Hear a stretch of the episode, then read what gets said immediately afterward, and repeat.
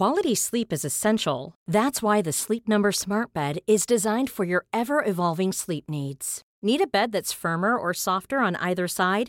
Helps you sleep at a comfortable temperature? Sleep Number Smart Beds let you individualize your comfort so you sleep better together. JD Power ranks Sleep Number number 1 in customer satisfaction with mattresses purchased in-store. And now save 40% on the Sleep Number limited edition Smart Bed for a limited time. For JD Power 2023 award information, visit jdpower.com/awards. Only at Sleep Number stores or sleepnumber.com. When you're ready to pop the question, the last thing you want to do is second guess the ring. At BlueNile.com, you can design a one-of-a-kind ring with the ease and convenience of shopping online. Choose your diamond and setting. When you find the one, you'll get it delivered right to your door. Go to BlueNile.com and use promo code LISTEN to get $50 off your purchase of $500 or more. That's code LISTEN at BlueNile.com for $50 off your purchase.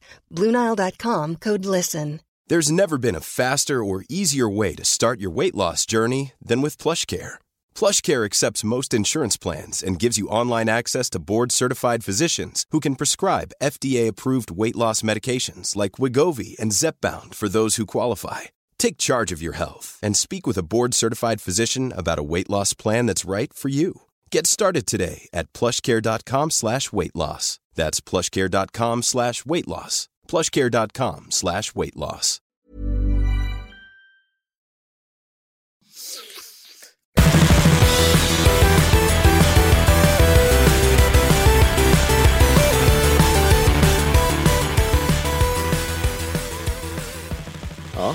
Är ni taggade på fredag då? Nej, Jo, Fredag, lördag, lördag, fredag. lördag. Ja. lördag.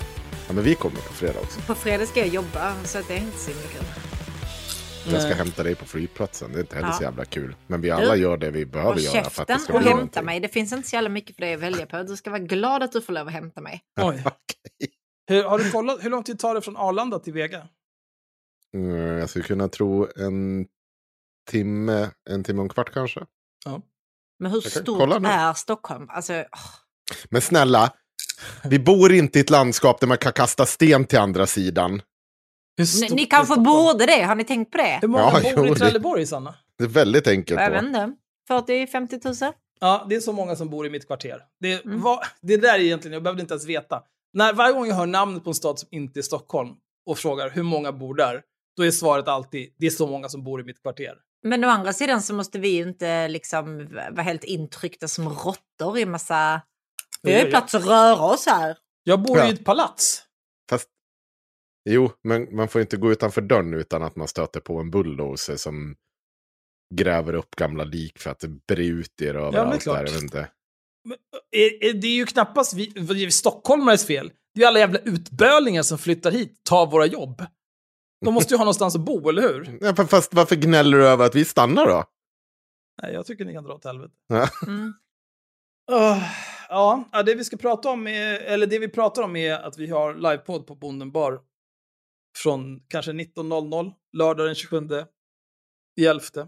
Mm. Eh, nu, det var ju Ersta terrass förut, men det är inte det längre. Och förra gången så sa jag, vill ni ha biljetter så ska ni knulla er själva, för det finns inga kvar. Nu hade det kunnat finnas biljetter kvar eftersom eh, Bonden bar är lite större. Eh, men de biljetterna är också slut, så att jag vet inte. Ni kan ju De kan lista ut vad fortfarande kan knulla göra. sig själva helt enkelt. Ja. Ja. Jo, okej. Vad har ni Så är det gjort sen det. sista? Mm, Ah. Timms farmor fyllde 80 så vi var på spa. Ja, det är kul. Ja. Var fa- Det var farmor med också? Ja, hela Ja. släkten var ju med. Vi var ju... Halva spat var ju bara vi. Känns som ett dödsfälla för en 80-åring, men okej. Nej, Nej, okej. det var jättemysigt. Superspreaders. Va? Va? Vad sa Hallå? Hallå? Hallå ja? du? Nu tänker jag googla det där. Och kommer det Vadå, här fucka upp, ja, kommer det fucka upp min Google-historik så... Nej, Men- men, eh, gå till lemonparty.com. Nej. Vadå? Det är jättebra. Slå på inkognito om du är för feg. Ja, det är inga konstigheter. ja, jag gör det. Vänta där. Har du Lemon- aldrig varit inne på Lemon Party? Party. Henry! Kom. Vad är det här? It must be eight over 18. Nej, tack.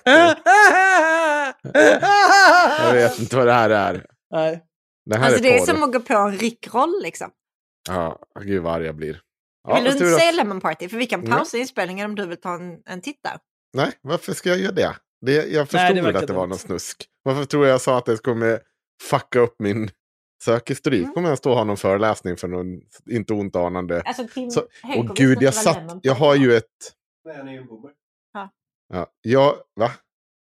Jag sa att det, jag var tvungen Det att berätta för Tim att du annan inte visste vad det porr än var. Lemon Party? Herregud. Mm, tacka gudarna för att det finns annan porr än Lemon Party, eller hur? Ja, Okej. Ja, jag vet inte, för jag tittade inte så noga nu när det dök upp här. Om jag ska vara helt ärlig. Vi hade Ja. kunnat ta en live-react på det där. Ingen Ja. fara. Jag- spännande. Bara en massa kräkljud. Jag har ju ett, jag har ju ett, ehm, eh, jag har ju ett, eh, liksom bara ett lurker-konto på eh, Twitter. Där jag aldrig har skrivit någonting. För att man blir ju blockad från vissa grinungar mm, stup i kvarten. Och där har jag ju följt en bunt personer som, när vi höll på att prata om sexköpslagstiftningen, så följde jag några av dem som driver de frågorna. De är ju inte helt sällan eh, personer som säljer sex. Det där har ju fuckat upp mitt eh, lurker-konto. Så stup i sekunden, utan förvarning. Och man hinner alltid glömma bort det lite. Så dyker det upp bara regelrätt porr i ens flöde. Problemet är när man sitter typ på jobbet eller något sånt där och bara sitter och kollar där. Och så ser bara, sitter man på datorn, växlar över till det där kontot för att man ska kolla om någonting har hänt. Ja, då har man hela jävla skärmen är full av porr sen. Och det är så jävla pinigt. Jag gjorde det på en kurs en gång. Och då, då var jag tvungen att förklara mig. Ja, Du ska jag. kanske Ja. inte twittra på jobbet. Nej, nej, ska jag sluta med det. Du får ha en extra mobil som du bara kan skicka rätt in i närmaste vägg om det är någonting som Mm. händer. Jag har fått kattungar sen sist också. Oh, Ja, jättegulliga. Axel, ska du ha en? nej, Jo, ska inte ha en? nej, En kattunge? Jo, Nej. det vill ju. nej, men jag vill inte det. De är svindyra. Mm. Kom igen nu. Nej. De är supersöta. Kattmammor är tydligen lite sjuka i huvudet, för det här visste inte jag om.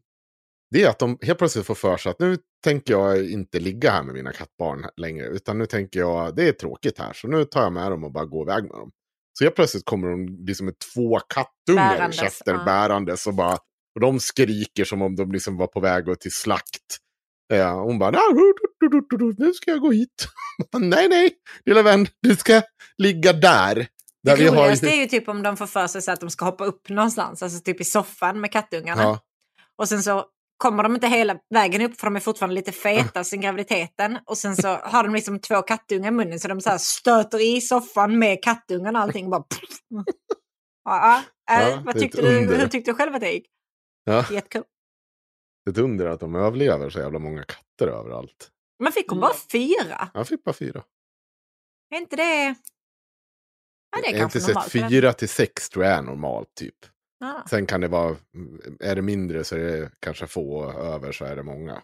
Ja, okej. Ja. Det var länge sedan jag hade kattungar. Men det är jävla kul. Det är så jävla mysigt. De, de är så söta som man håller Får på ni, att får ni röra dem?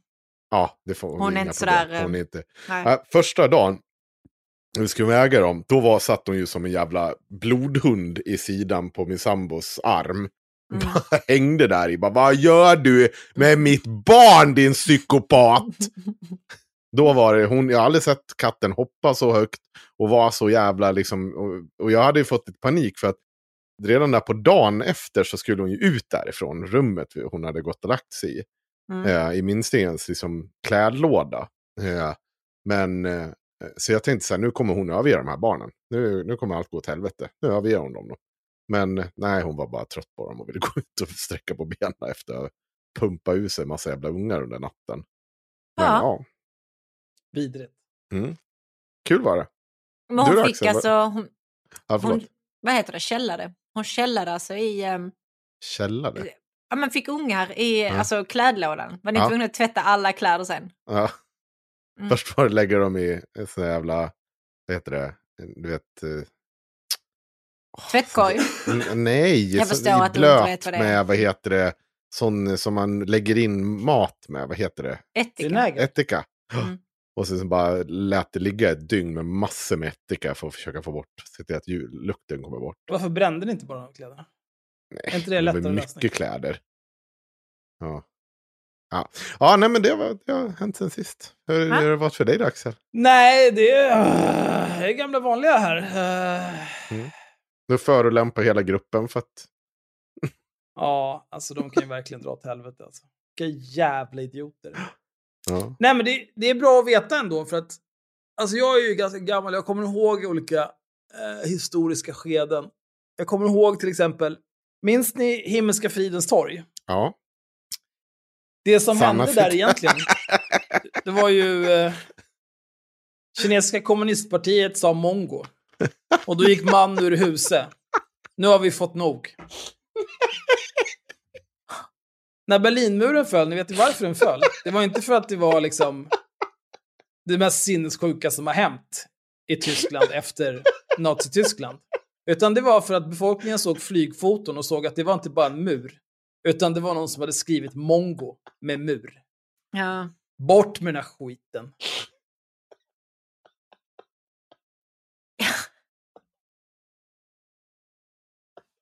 Så orimligt upprörd av det här. Storbritannien förklarade inte krig mot Tyskland för att Tyskland invaderade Polen. De förklarade krig mot Tyskland för att nazi betyder mongo på en gammal indisk dialekt. Nej, nej. Not on my watch, sa Churchill. Nu åker vi. Ja, men det är bra.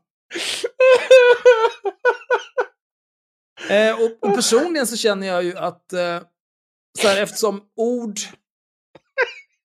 Ofta känner jag så här, fan det, det är jobbigt att så här, ord inte betyder någonting utan folk bara liksom är helt efterblivna.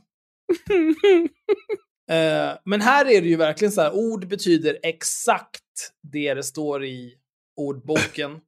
Det finns absolut ingen så här utrymme för att eh, tolka någonting annorlunda, att andemeningen kan förändras beroende på i vilken kontext orden används eller vid vilken intention och så. Utan det betyder alltid samma sak. För att man har kanske en lite enkel syn på hur verkligheten fungerar. Och vet ni vad? Då säger jag så här, eftersom det var så jävla mycket grinande om att alltså, ja, olika funkisar, de har det så himla svårt i samhället och det är jobbigt för dem. Jag har ju länge eh, röstat vänster för att jag tycker att vi ska ta hand om alla. Alla ska ha det bra i mitt samhälle. Jag skiter i om du inte kan jobba, om du inte vill jobba. Jag vill inte heller jobba, men jag kan göra det. Fuck it, jag skiter i det. Jag kan dega in till staten och se till så att du får mat på bordet, trots att du inte tillför ett jävla skit. Det är fine, jag bryr mig inte. Men vet ni vad? Jag kommer nog rösta höger från och med nu. Jag tycker att vi tar alla jävla mongon och plöjer dem rätt ner i marken. Bort med skiten. Sätt ut dem till vargen vid födseln bara, så vi blir av med dem. För det är ju tydligen det som är, det är ju kontentan av det här. Här tänkte jag så här, ska jag få klaga lite grann över att svensk polis är ett par griniga jävla barn som avrättar folk på öppen gata, men det är inte det som är viktigt här. Det är inte det som är viktigt, förstår du. Nu använder du ett ord som är fel. Då kan du knulla dig själv, Axel, för här kommer PK-maffian och ska berätta för en hel del för dig. Ska du få höra? Absolut, då gör vi så. Vi ser hur länge ni överlever, era jävla idioter. Sitter där och bölar om LSS. Det är bara att avskaffa den där skiten.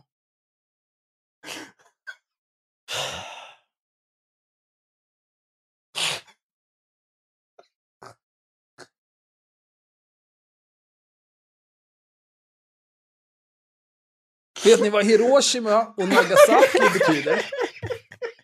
Det betyder mongo och loid.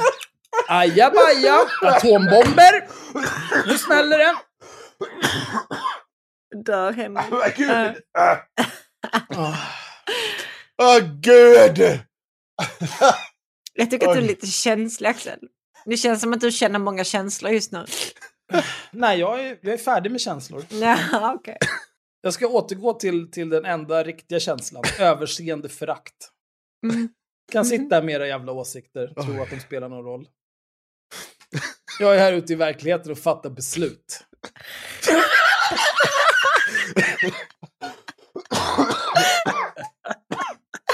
Åh gud, jag dör. Åh. Ja, okej, så att... du har varit lite arg på gruppen.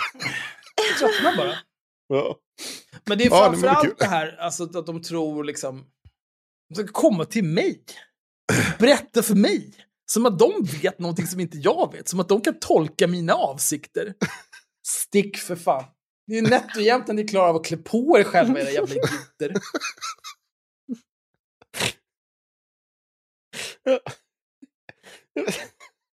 Nej, men det får vara bra alltså. Vet inte om lyssnarna kommer ihåg.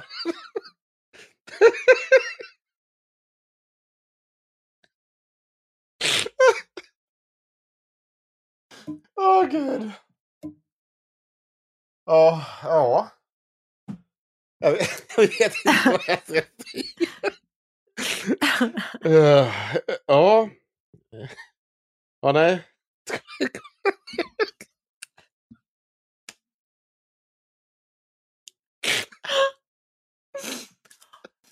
Och Henrik oroar sig för att vi inte kommer fylla ut två timmar på liven. En halvtimme kommer gå att du ska sitta och fnissa så här. Ja, nej, jag vet inte. Uh, gud. Har ni, se, har ni sett... Um... Men lyssna nej, men... Du pratar om hur polisen är inkompetent och jävla as. Detta är korrekt, det gjorde jag. Men reducera deras offer till M-ordet. Som om det var han som var klandervärd.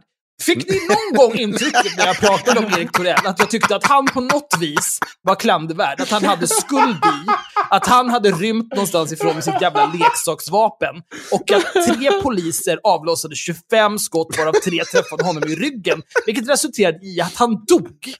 Var det någonting i det jag sa som ni tolkade som att jag tyckte att det var hans fel för att han var mongo? Eller att det var bra? Att så här, nu är vi ett mongo mindre, fan vad bra. Ja, men, men alltså, det är ju så jävla dumt. Jag fattar inte. Hur fungerar såna här människor i vardagen när de är så här jävla pantade och helt oförmögna att begripa någonting som händer omkring dem? Det är helt sjukt! Jag gillar ändå att du lyckades kalla honom mongo två gånger till i den ja, här ranten. Det... I något avsnitt så tror jag att vi diskuterade hur viktigt det var för oss att varje person skulle kunna sätta veto på att det här kan vi inte publicera, det här kan vi inte göra. Vad, vad gjorde jag direkt efter det här avsnittet var inspelat? Ja, där får du ta med Magnus. jag sa, det där kan du väl blipa åtminstone. Nej, det var ingen som lyssnade på mig eller? Ja, ja så mycket för det jävla vetot. Ja, nej, men Magnus vad kul. den jävla fittan förutspådde vad som skulle sägas i Facebookgruppen. Ja, men ja. Han är, är han inte åt liberala hållet? Han är ond. Jo, han är det. Ja. På tal om liberaler. Mm, bra segway. Oh, gud, för jag vill aldrig mer prata om Erik Torell för att det, du gör mig kallsvettig. Nej, vi kommer prata mycket om honom. Nej, det ska vi absolut inte. absolut varje, år, varje år på hans födelsedag ska vi minnas den här oförrätten. När han blev avrättad av svensk Nå. polis. Aha, okej, okay, jag trodde du menade... Åh ja. oh, gud, jag trodde inte att du skulle jag trodde du skulle säga att vi skulle minnas din personliga Jaha, du menar det värsta som har hänt sedan förintelsen? ja. När jag sa mongo? Är det det vi ska minnas? jag trodde att det var det du skulle absolut. säga och jag kände så här, är det verkligen det vi ska minnas på årsdagen nej, av hans död? Jag saknar ord alltså. Mm, nej. Eh, vad, vad har hänt med Liberalerna, Henrik? Ja, ja, ja gud. Åh, så att jag måste andas lite så här. Jo, men Liberalerna har ju haft sina eh, landsdagar, tror jag det heter. Eh, nu ska vi se så att jag inte säger, jag tror, jo, landsdagar. Är det inte bara SD som har landsdagar? Eh, nej, det är Liberalerna också. Ja, oh, vilket ja. sammanträffande.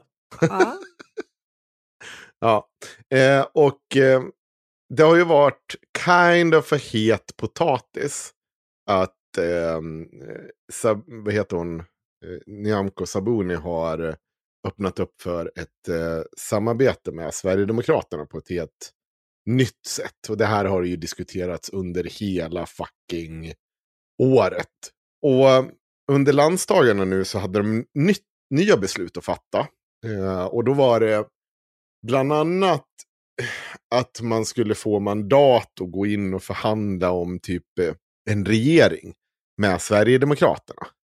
Alltså att man ska kunna sätta sig i regering tillsammans med dem. Ha eh, folk i regeringskansliet från SD och så vidare.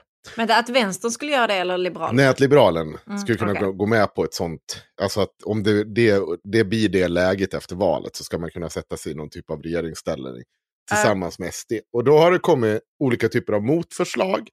För att som känt, det är inte jätteglad stämning inom partiet.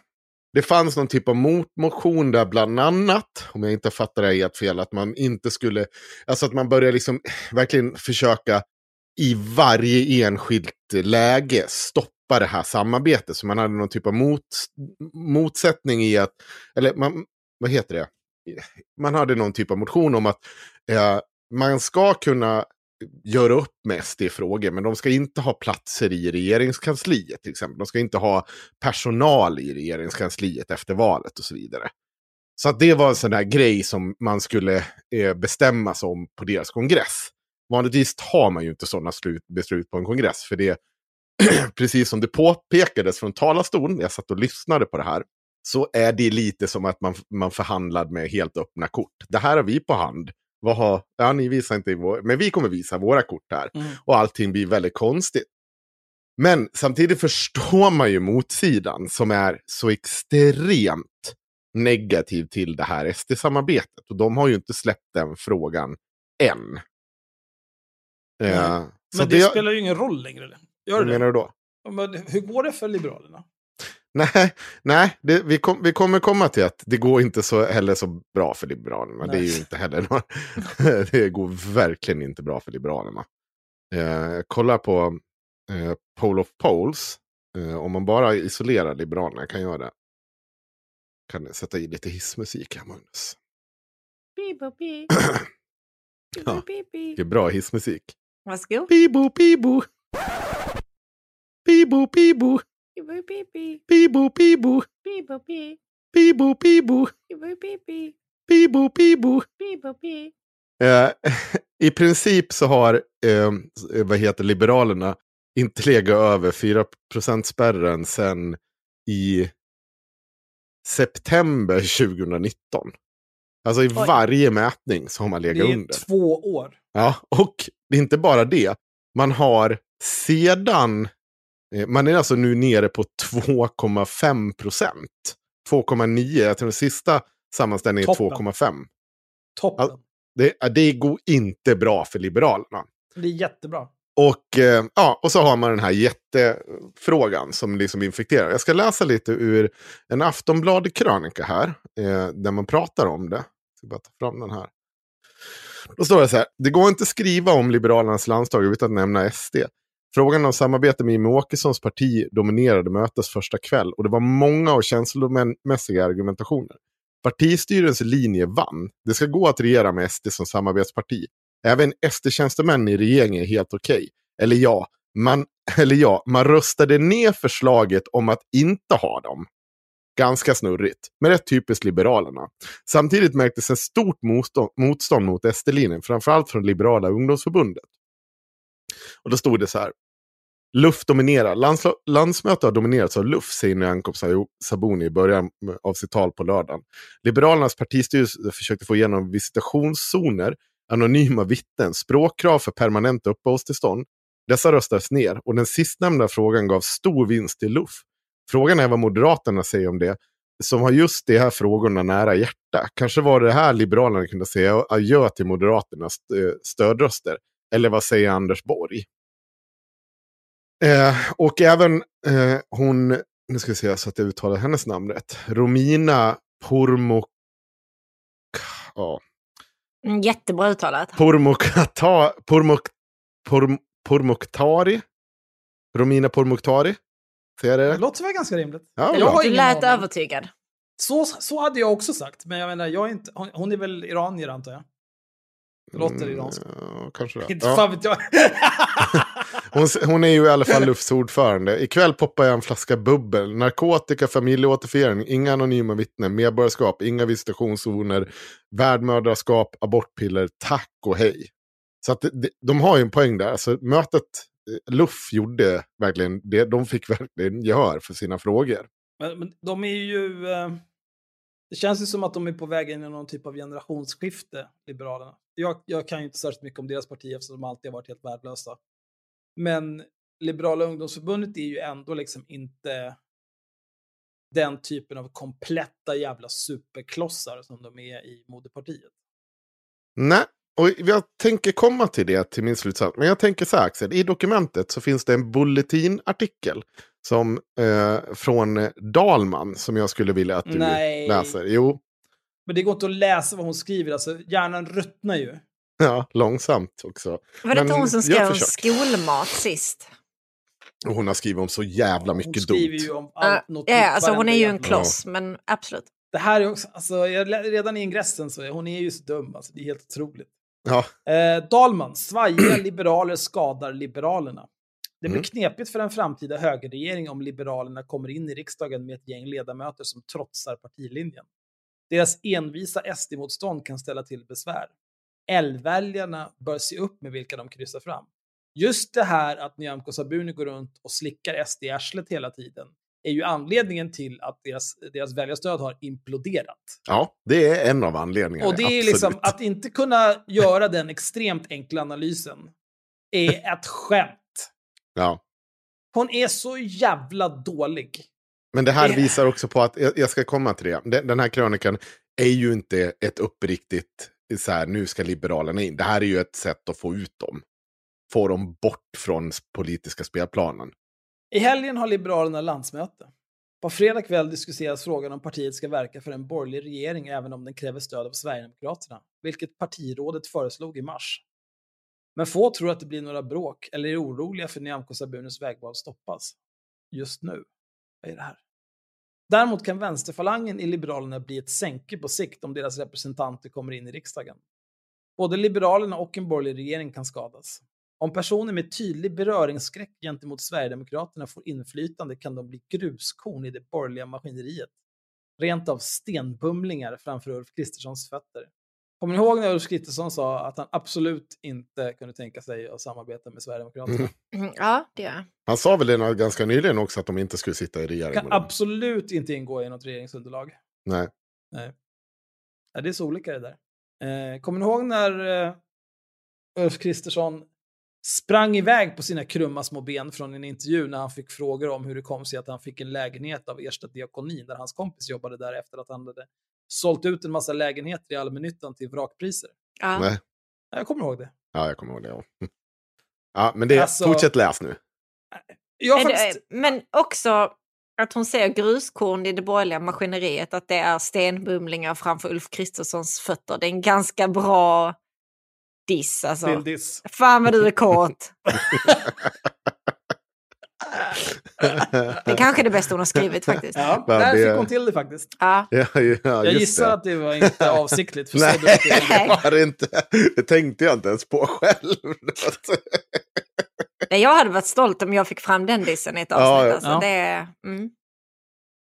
Ja, det är inte bra alltså. Till exempel har Helene Odenjung, tidigare Liberalernas kommunalråd i Göteborg, som ambition att bli riksdagsledamot. Hon fick i Göteborgs-Posten frågan hur hon ska tackla samarbetet med SD. Svaret blev att partiet ska få ha några tjänstemän på regeringskansliet. Vilket blott är en symbolisk fråga. Ja. För ett par år sedan skrev hon och andra liberaler att vi i Liberalerna kan aldrig ge makt åt SD. Eh, Aftonbladet 9 januari 2019. Så det var några månader efter att Ulf Kristersson sa att han absolut inte kan samarbeta med ja. eh, Sverigedemokraterna. Och det, det klandvärda här är då att det eventuellt är så att Odenjung inte är en populistisk lögnare till skillnad från Ulf Kristersson. Ja, men det är jättebra. De, de motiverade januariöverenskommelsen med, men med de inte ville stödja. Med att måste det vara här. Det, det är alltså, de har ett problem med korrekturläsandet på Bulletin. Den finns inte. De har Nej. inga pengar för att anställa Nej. en korrekturläsare. Nej, just det. Jag läste att de har 300 000 kvar i kist, kassekistan. Kassekistan. alltså, I kassakistan. Det är mindre pengar än vad vi har i Haveristerna Media. Men- kan jag säga. 300 000 är också vad de betalar ut i liksom en månadslön till en av sina skribenter. Så det är inte konstigt att pengarna är slut. Så det är väl hälften av lönekostnaden för den där jävla idioten i USA som bara sitter och skrattar åt dem. Ja, precis. Ja, stackars Jannik alltså. Spring för livet. Ah, de motiverade januari, januariöverenskommelsen med att de inte ville stödja en alliansregering som fick aktivt stöd av Sverigedemokraterna. Formuleringarna var bullriga. Liberalerna bör inte på några villkor medverka till en samhällsutveckling där främlingsfientliga och högerpopulistiska krafter har ett avgörande inflytande. Vad är det för bullrigt med det här? Det är väl klart och konkret. Inte på några villkor alltså. Nej, eh, på vilka villkor skulle det där vara bra? Om du ser, om du ser ett parti som främlingsfientligt och högerpopulistiskt, under vilka omständigheter skulle det vara bra? Det är ju om så här, ja, men vi kan undvika kriget om vi samarbetar med de här människorna. Det är väl den anledningen. Men i liksom ett normalt läge finns det ju ingen anledning att ha med dem att göra. Mm. Texten var ödesmättad med formuleringar som “Det som i längden avgör liberalismens framtid är att vi är trogna våra värderingar”. Oj, det är nästan som att man blir liberal av att höra det här. Hon har, infört landsmötet, hon har inför landsmötet skrivit en reservation i vilken hon önskar att Liberalerna inte ska berätta inför valet vilka partier man ska förhandla med. Detta omöjliggör i praktiken för Liberalerna att framstå som en del av högeroppositionen, skrev Sveiman. Tro inte att Bra referens där. I Vadå och i vilken kontext? Att, att Sveiman skriver någonting. Det är Ja. Göteborgs-Posten antar jag, men ja, alltså Ja. det betyder absolut ingenting. nej. Eh, tro inte att Odenjung kommer att vara samarbetsvillig. Också Anna Starbrink, som idag är gruppledare för Liberalerna i Region Stockholm, kandiderar till riksdagen. Hon var mycket kritisk mot att Liberalerna bröt januariöverenskommelsen. Jag hade hoppats att vi skulle säga tydligt nej till samarbete med Sverigedemokraterna, sa hon till SVT 28 tredje. Hon berättade för Svenska Dagbladet i somras om att hon nu vill in i riksdagen för att säkra att Liberalerna får så mycket inflytande som möjligt, så att SDs påverkan blir så liten som möjligt. Hon insåg hur detta kunde stöka till det för partiet och skapa kontroverser. Men det tål partiet från 20 augusti. Ja, frågan är om lilla L verkligen tål detta. Oj, oj, oj. GPs politiska redaktör Adam Sveiman skrev häromdagen en ledare med rubriken “Vem vågar rösta på Liberalerna?” Han anade att många väljare kan skrämmas av att många L-distrikt toppas av Sabuni-kritiker. Mm. Den 16 11. Det är också Ja. en sån jävla sinnessjuk analys av läget. Men vi, än en gång, vi återkommer till just den här att man helt plötsligt har kommit på att jo, men om du är SD-kritisk och inte vill ha SD gör, då kommer Liberalerna tanka och bara race to the bottom. Och man bara, fast det är ju exakt det som har hänt. Vad fan snackar ni om? Ja, det är verkligen inte bra. Nej. Jag, också, jag ser här nu att hon, alltså i sin liksom, byline så har hon namn och sen mejladressen. De har ju också det här jävla lallarskiten med att de kör förnamn bara. Mm. Caroline.bulletin.nu. Lallare! Eh, och sen Facebook, då står det bara hennes namn. Twitter, hennes handle och Instagram, hennes handle. Men de, alltså, de, vet de inte att det går att göra länkar av det här? Nej. Det, Det- är så otroligt jävla... Alltså det är verkligen Men, ett jävla ja, mellanstadieprojekt den här sidan. Han har rätt i att det självklart är ett problem för Liberalerna att man har tjafsig stämning i partiet och starka företrädare som inte stödjer ledningen helhjärtat. Men är det ett problem i ett politiskt parti verkligen att det finns tjafsig stämning? Och Ja. att det finns liksom... Ja, alltså allt det stämmer ju. Men det är ju orsaksanalysen som helt är helt totalt jävla verklighetsfrånvänd. Så fortsätt. Bara Men det här är ju alltså, det är inte tjafsig stämning för att så här, alla, alla, folk tjafsar med varandra. Det är tjafsig stämning för att det finns en massa personer som har varit liberaler eller folkpartister i flera år eller årtionden och som inte vill ha någonting med Sverigedemokraterna att göra. Och nu helt plötsligt bara, ja, nu ska vi lägga oss platt där med röven upp i luften, vi Jimmie Åkesson. Ja. Och så vill de inte det. Det är ju inte tjafs. Det är, det är ju liksom det är en ideologisk strid om vad det här partiet är, om de ens kommer att överleva nästa val. Mm. Det är ju det det är. Det är 100% rätt. Eh, men det är faktiskt än värre att det skadar hela det borgerliga regeringsalternativet. Dels blir det knepigt om Liberalerna åker ur riksdagen och att cirka 3 procentenheter av de högerinriktade väljarnas röster går förlorade. Det måste väl vara minimum 4 procent, eller? Ja, men jag tror att det hon blir, menar de- de- fördelnings, det blir för de här fördelningsmandaten och skit. Jag vet inte hur hon resonerar där. Och sen, jag, Hon, jag tror att... att hon räknar med att om, de ligger på typ 3 nu och de 3 procenten är bortkastade Nej. för att de inte kommer in. Inte Nej, jag, jag tror att de ligger på 6 procent och det betyder att ungefär 3 procent kommer försvinna över till andra sidan. Ah, okej. Men det är för 3, fördelning. 3 procent som röstar på Liberalerna och de blir vaskade. Ja, 6 procent röstade på dem 2018. Och då blir 3 procent fördelat ut till båda, till alla, över alla partier. Och då kommer ju liksom 3% försvinna från... Ja. Ja, så Ja. jag tror att det är så hon tänker. Dels kan det bli en herrans massa liv om Kristersson ska regera med trilskande riksdagsledamöter. De Mm. är tyvärr inte så få. Sveiman nämnde förutom Starbrink även Lina Nordqvist från Uppsala som röstade emot att lämna januariöverenskommelsen. I riksdagen kan Liberalerna även komma att ha kvar Joar Forsell, Romina Pourmokhtari, Gulan Avci samt Cecilia Rönn som alla varit kritiska till Sabunis linje, men även till andra sakfrågor. Tro inte att de kommer sitta still och lyda. Man avundas inte partiledarens position just nu. Hon må vinna på fredag, men striderna kan bara ha börjat. För Ulf, Ulf Kristersson handlar det om att stå stadig och stark. Han behöver tala om att han naturligtvis inte går med på vad som helst som SD kräver. Och han måste få visa att han inte låter sig skrämmas av ett trilskande Liberalerna.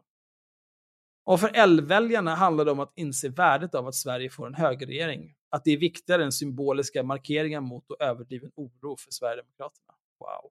Och så kommer den här underbara konstiga bylinen. Och det får jag, det är också, man brukar, ja.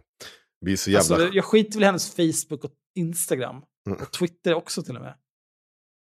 I alla fall, det där var clearly en analys från en, ja, ytterligare en högerperson som är så jävla, ursäkta uttrycket, kåt på att få samarbeta med SD. Älskar mycket av det de står för. Säger sig fortfarande kanske vara moderat eller liksom, ni vet, ja, frihetlig, någonting lite så här eh, klämkäck. Klassiskt liberal. Ja, precis. Och, och som bara... Ja, men kom, lyssna bara på mig så kommer allt bli bra. För det här är ju egentligen bara en lång hitlist på olika liberaler som man vill sänka för att partiet då ska liksom gå full SD-supporter. Och på så sätt gör man analysen att jag antar att det ska funka, eller så antar jag att man bara är ute efter att sänka Liberalerna som parti helt och hållet. Och det, det är alltid svårt som motståndare att, eh, att analysera, liksom, eller, liksom som, eh, eller politiskt aktiv i ett annat parti, eller så här, analysera motståndarna. Men, men jag ska göra ett faktiskt försök. Och Jag skrev några anteckningar här. Eh, och jag benämner Liberalerna är liksom borgerlighetens ABF-tanter. Förstår ni vad jag menar då? Mm. Jag vet inte vad en ABF-tant är. Det är någon som är extremt pedagogisk och gärna har jättelånga och mysiga samkvämspresentationer tillsammans med varandra. Sånt där som du älskar Axel, du vet. Sitta och ha långa presentationer, berätta om hur man mår för dagen. berätta om det har hänt någonting där hemma som behöver tas upp för laget. Alltså, det, det är människor som jag genuint i många fall tror vill extremt väl.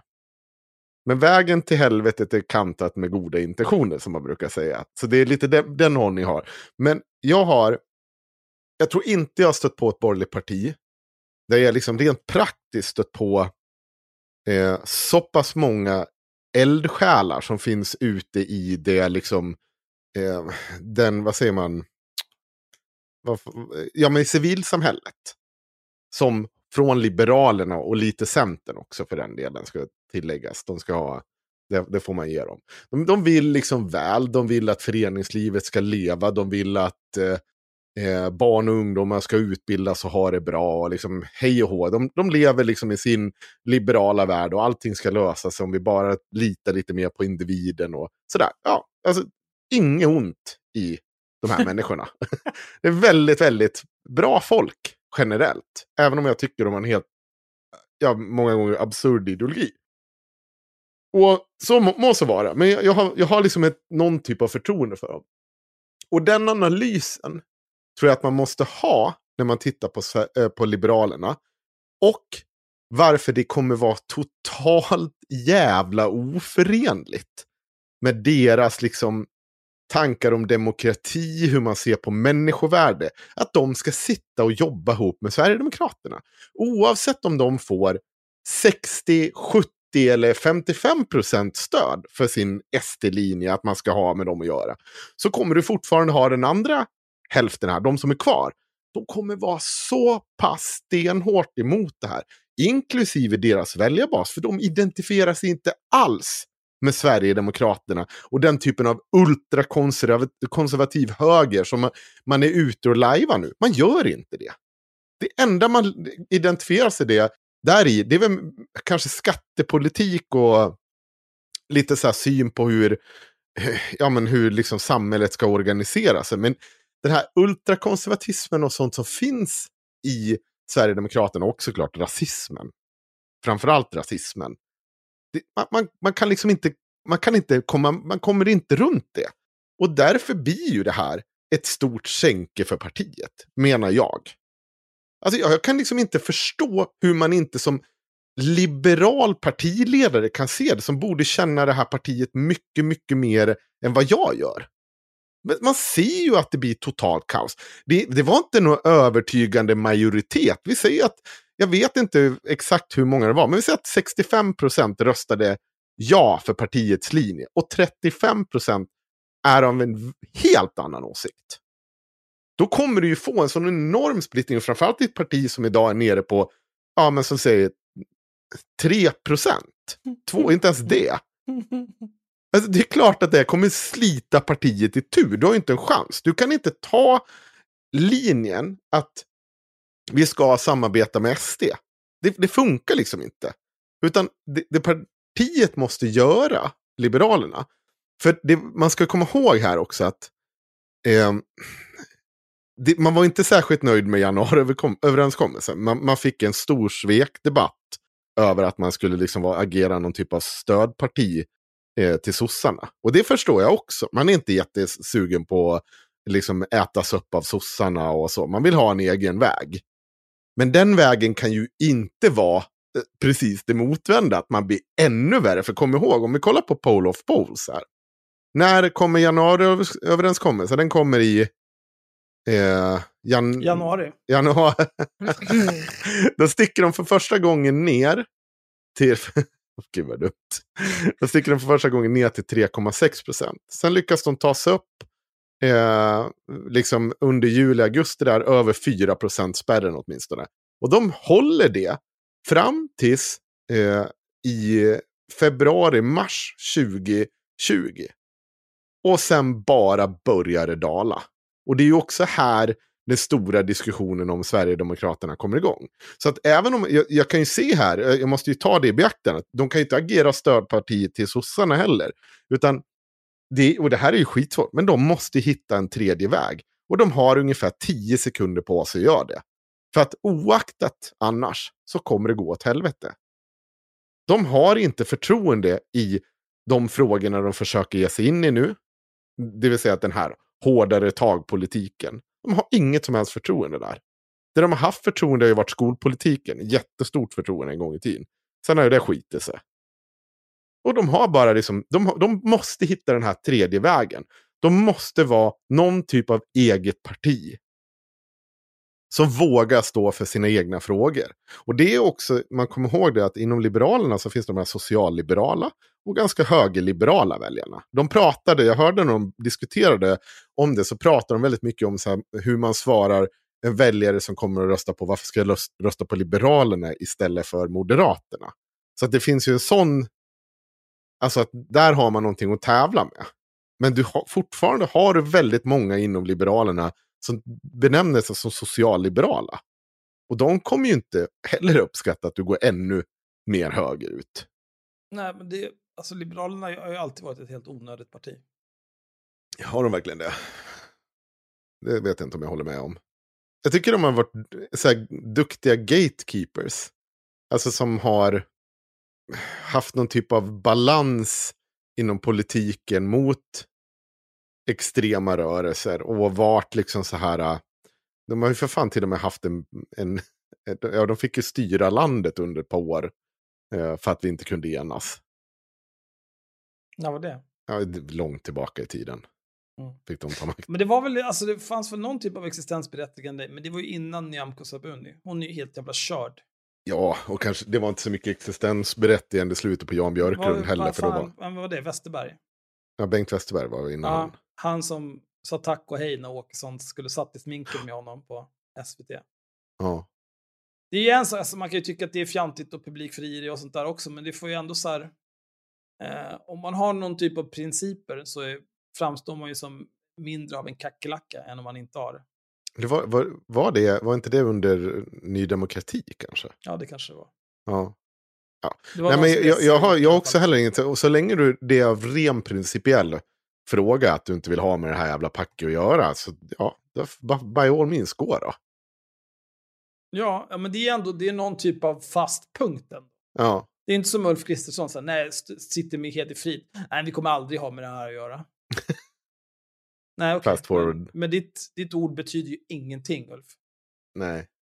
Nej men, eh, det som, och jag- jag tror att det här är också ett problem inom hela borgerligheten fortfarande. Även om det har eh, såklart minskat så har man svårt. Eh, det finns även delar inom Moderaterna. Eh, säkert inom KD lokalt också.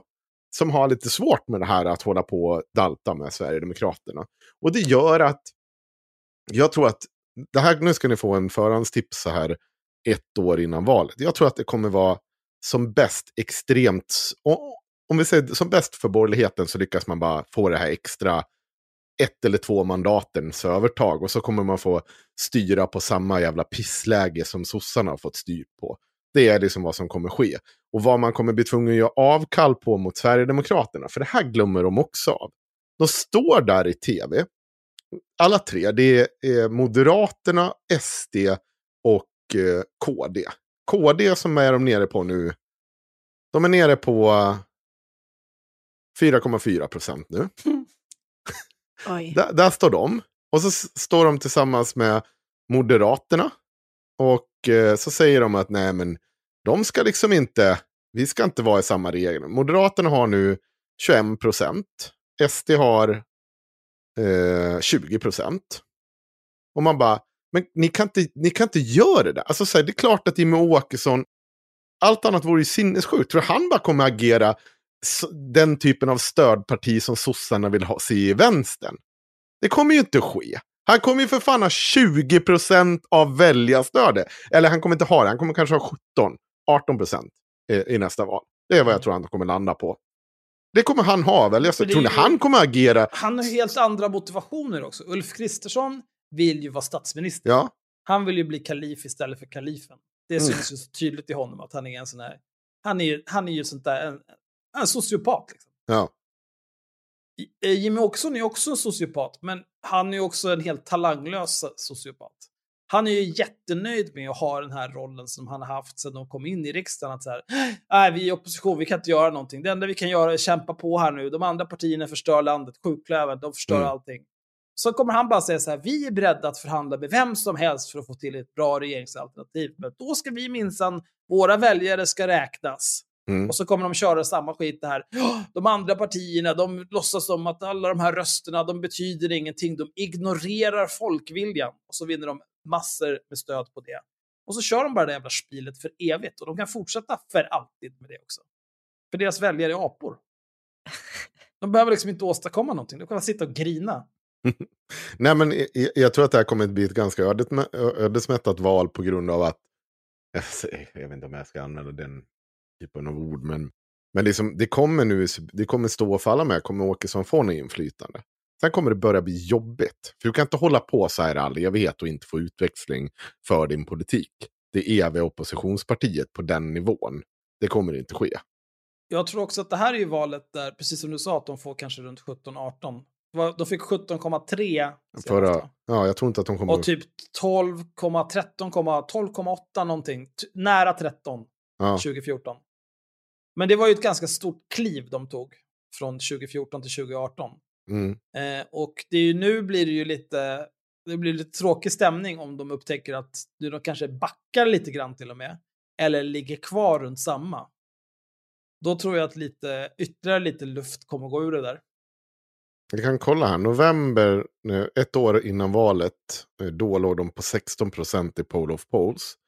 Och på riksdagsvalet eh, så var det 18, ja 17,9. Så att de, det här verkar hyfsat nära.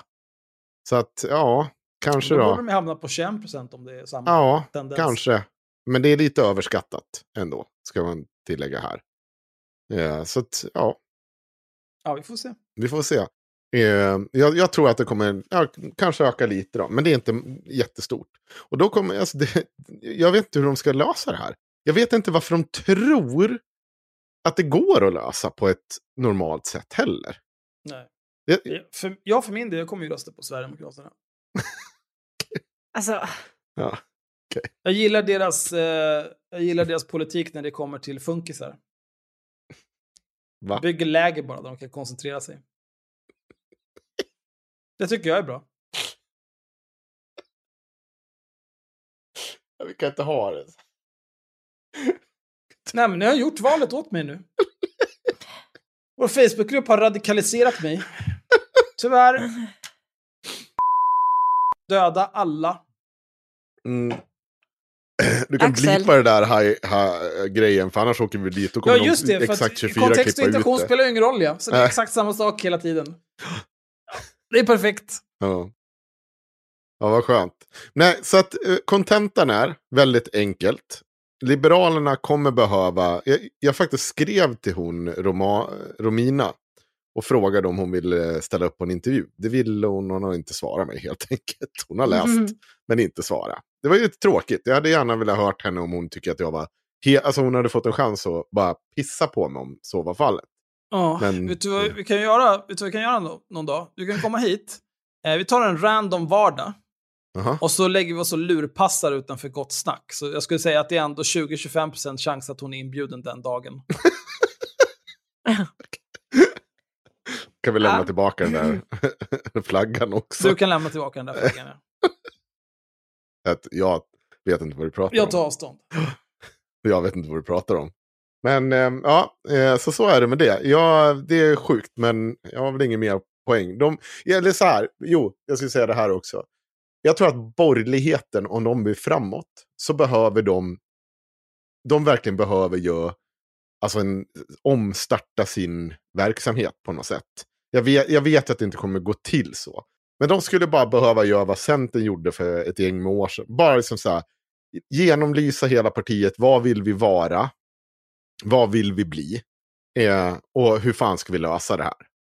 Och inte ha, alltså för just nu, och, och det är ju till viss del svensk medias fel, men det är ett extremt fokus på Sverigedemokraterna hela jävla tiden. Borgerligheten hade kunnat samla kanske, alltså de hade kunnat hitta andra vägar. Alltså, det fanns ju en anledning varför Reinfeldt lyckades med sin allians. Och jag är ju glad för att de inte lyckas få ihop det här igen. Och det får de gärna göra i, i massa, massa, massa, massa år framöver också. Men om de vill lyckas så behöver de starta om. För det här är ju uppenbart att det ser väl alla att det funkar ju inte överhuvudtaget. Sverigedemokrater kanske sitter hemma och runkar och tycker att det här är det mest spännande som hänt. Men det är ju verklighetsfrånvänt. Om de vill, jag vill, alltså så här, de, ja, de njuter ju över läget, men så länge det ser så här jävla illa ut Eh, för Liberalerna så kommer ju de, de, kommer ju de implodera också. Det enda de kan hoppas på är att även Miljöpartiet imploderar. Då kommer det jämna ut sig igen. På något sätt. Men jag tror faktiskt att Libera- äh, Miljöpartiet inte kommer lämna politiken. Däremot ser det jävligt illa ut från Liberalerna. Riktigt jävla illa ut. Så ja. Men lycka till! Jag skiter väl i om ni åker ut, men ni kan väl göra det på det där sättet. Blir det lite mer spektakulärt. Det är perfekt. Jag tycker det är en bra idé. Toppen. Eh, Ska vi prata? Jag tänker att det här kommer bli någon typ av stort... Du skrek ju rakt ut när du såg det här också. Såg du det här med... Irene- ja, vadå? Irene Svenonius. Ja. Du, jag orkar det- inte prata om henne just nu faktiskt. ja, Okej. Eh, jag vill prata om att jag varit på Systembolaget. Ja, okej. Eh, det var i somras. Aha. Det var länge sedan. Mm, det var länge sedan. Det är korrekt. Eh, jag tänker inte säga vilket systembolag det var. Mhm. Men jag var där med min kompis. Eh, vi skulle handla lite öl, vi gick omkring där och höll på lite grann. Eh, sen när vi eh, var på väg mot kassan, då upptäckte vi att personalen på det här systembolaget hade stoppat en person och ville titta i den personens eh, fickor och väskor. Mm. Det var lite suspekt kände jag. Eh, det är alltså butikspersonalen, inga ordningsvakter eller väktare. Eller poliser eller liknande. Okej. Eh, vill titta i den här personens väska och sådär. Och sen så hittade de någonting där och så tyckte de att nu får du följa med här. Och stod och skrek. Det var ju någon typ av migrant som inte riktigt förstod vad de sa. Så han, istället för att bara så här, pass, jag går härifrån, följde med dem. Och då tog de med honom in på lagret. Och så stod de där i dörren och så här, höll, stod, höll på att gaffla med honom. Och så skulle de ringa polisen och så var det en massa så här tjafs. Eh, och eh, det är svårt nu att berätta den här historien. För att jag hade ju tänkt ta den här liksom, perspektivet att jag är inget stort fan av eh, olika typer av orättvisor i samhället, som till exempel när polisen avrättar folk utan anledning eller när eh, butikspersonal ser en, en, en chans att leka Lill-Hitler och hålla på och bossa runt folk. Då tänkte jag att jag kunde ha det som ingångsvinkel i det här för att förklara varför eh, jag frågade den här butikspersonalen vad de håller på med.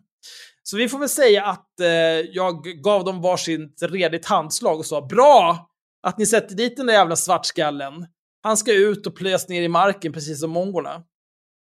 Eh, men jag sa i alla fall så här, det är lite konstigt, jag vet inte. Är det här verkligen lagligt? Jag vet inte riktigt om ni får hålla på så här. Och då sa han, oh, det får vi absolut göra. Jag har jobbat i butik i 20 år, jag kan det här. Så, ah, jag vet inte om du gör det alltså. Hur, eh, för jag tänkte ju så här, av vad jag kan om sånt där, då tänkte jag så här, fan, eh, gränsen för snatteri gick, går väl typ 800 spänn. Har jag för mig. Ja, för, för ja, du kan lugna Alltså, ner dig, jag har nog kollat upp det här ska du se. förlåt. Har jag för mig, säger Ja. han med lagtexten framför näsan precis nu. Ja, Nej men just då så, då, då tänkte jag så här, men snatteri det är väl typ 800 spänn och snatteri är inte fängelse på straffskalan. Nej. Och sen är det liksom stöld eller någonting och då är det fängelse på straffskalan. Det var vad jag tänkte. Så då tänkte jag så här, men jag ställer en listig fråga. Men eh, hur, hur mycket har han tagit grejer för? Och då svarar den här jävla idioten, det kan jag inte svara på, det strider mot GDPR. Och det kan jag säga, det gör det absolut inte. GDPR har ingenting med det här att göra. Men då är det som, det som tyvärr händer när sånt där sker, eh, jag strokade ju ut för att det var ett så jävla konstigt svar. Så jag fortsatte bara ställa andra frågor. Så här, jag reagerade inte ens på att det var superkorkat sagt av henne. Men då var det i alla fall en massa tjafs eh, och sen så ville hon inte svara på några frågor och då tänkte jag så här, mm, When you're ready to pop the question, the last thing you want to do is second guess the ring. At Bluenile.com, you can design a one of a kind ring with the ease and convenience of shopping online. Choose your diamond and setting. When you find the one, you'll get it delivered right to your door. Go to Bluenile.com and use promo code LISTEN to get $50 off your purchase of $500 or more. That's code LISTEN at Bluenile.com for $50 off your purchase. Bluenile.com code LISTEN. There's never been a faster or easier way to start your weight loss journey than with PlushCare. PlushCare accepts most insurance plans and gives you online access to board-certified physicians who can prescribe FDA-approved weight loss medications like Wigovi and Zepbound for those who qualify. Take charge of your health and speak with a board-certified physician about a weight loss plan that's right for you. Get started today at plushcare.com slash weight loss. That's plushcare.com slash weight loss. plushcare.com slash weight loss. nej det här ska vi nog reda ut. Eh, och då har jag kollat upp det där. Eh, snatteri finns inte längre, däremot finns ringa stöld. Och gränsen mellan ringa stöld och stöld går runt 1200 kronor. Det finns ingen fast summa, men typ där. Mm. Det spelar egentligen ingen roll, för det är upp till sex månaders fängelse för båda två. Så man kan göra ett envarsgripande om någon tar ett tuggummi för 10 spänn på Ica. Så hon, de hade absolut eh, rätt att göra ett envarsgripande där. Men att de sen inte kan liksom svara på vad för typ av lagstöd som gör att de får göra så och hänvisa till GDPR, det gör ju att det liksom inte är ett rättssäkert förfarande. Eh, och då tänkte jag, fan, Systembolaget har en kundtjänst. Jag hör av mig till dem och ställer lite frågor. Så 09.24 den 19 juli vaknade jag och så skrev jag följande till kundtjänst systembolaget.se. Rubrik Hantering av tjuvar. Hej! Jag har några frågor gällande er policy vid stöld och hur personalen ska och får agera. Vad har ni för generell policy för personalen gällande hantering av tjuvar? Uppmanas personalen att konfrontera tjuvar? Uppmanas personalen att be att få genomsöka misstänkta tjuvars kläder, väskor och påsar? Uppmanas personalen att hålla kvar misstänkta tjuvar i väntan på polis? Med hålla kvar menar jag antingen att verbalt uppmana personen att stanna kvar i butiken eller att fysiskt hålla i dem. Vilket lagstöd baserar ni er policy gällande detta på? Tack på förhand, vänligen Axel Öhman. Får ett svar eh, den 27 juli, åtta dagar senare. Hej Axel, tack för att du tagit dig tid att fråga oss kring hur vi arbetar på våra butiker. Jag ser att vi ännu inte svarat oss och därför vill jag berätta vad vi hittills gjort för att hjälpa dig med dina frågor. Jag är inte intresserad. Jag vill ha ett svar på mina frågor. Jag vill inte höra dina trials and tribulations om varför ni har misslyckats med att svara på mina frågor, din jävla apa. Och skickade förra veckan vidare dina frågor till kollegor som jobbar med säkerhet vi hoppas kunna återkomma till dig snart med ett uttömmande svar. Av mesta vikt handlar arbetet på butik om att vara proaktiva i mötet med alla kunder genom att se, uppmärksamma och finnas till hands för de som besöker oss. Med det sagt kan god och omtänksam service också fungera som förebyggande för den som har tänkt att stoppa på sig en vara i avsikt att stjäla. Vi återkommer till dig så fort vi fått svar från våra kollegor. Önskar dig en fin eftermiddag och kväll.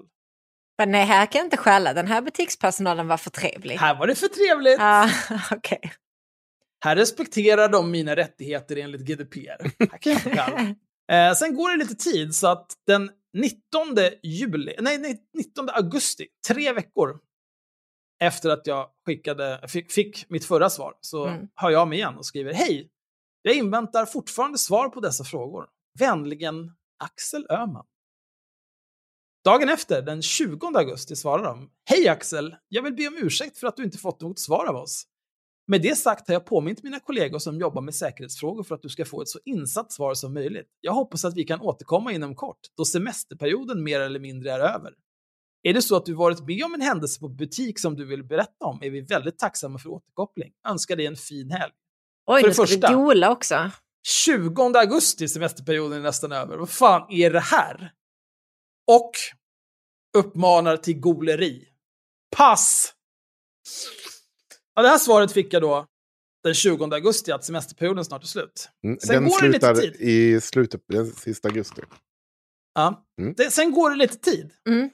Så att den 2 oktober hör jag av mig till de här jävla horungarna igen. Hej! Jag inväntar fortfarande svar på dessa frågor. Oh, Vänligen, Axel Öhman.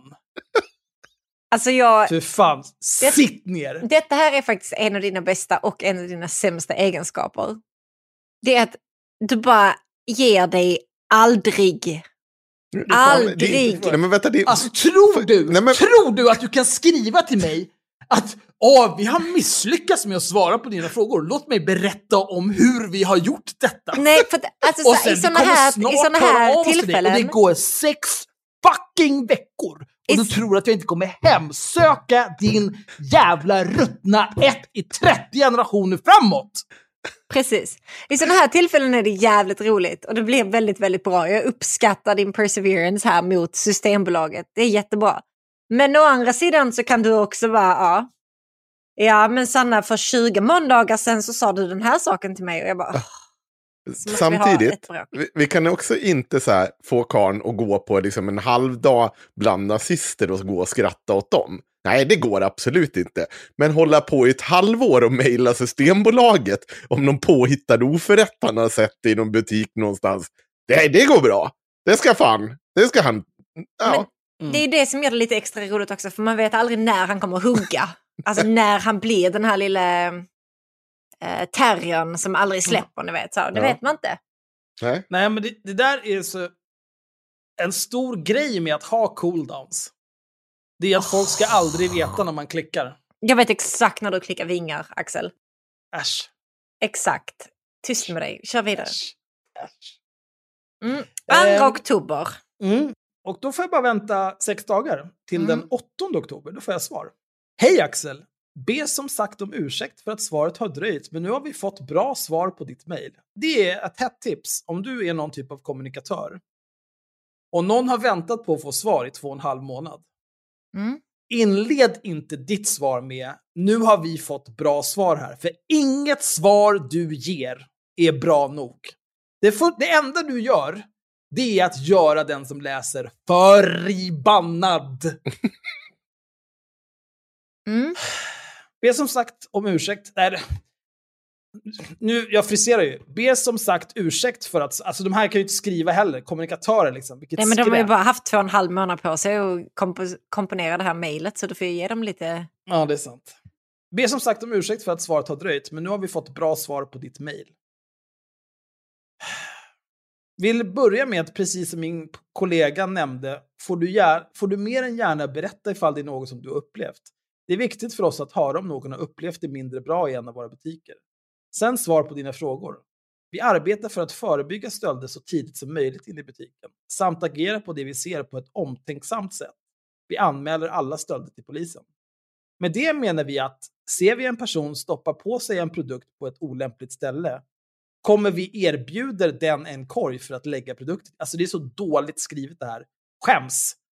Önskar personen inte göra det kommer vi omtänksamt att påminna i kassan att plocka upp den varan om det inte gjort. Det är också det här liksom att de låtsas som att där, men vi, kommer, vi är så himla omtänksamma och, och fina och mysiga. Det här känns ju som, att, det känns som en psykos.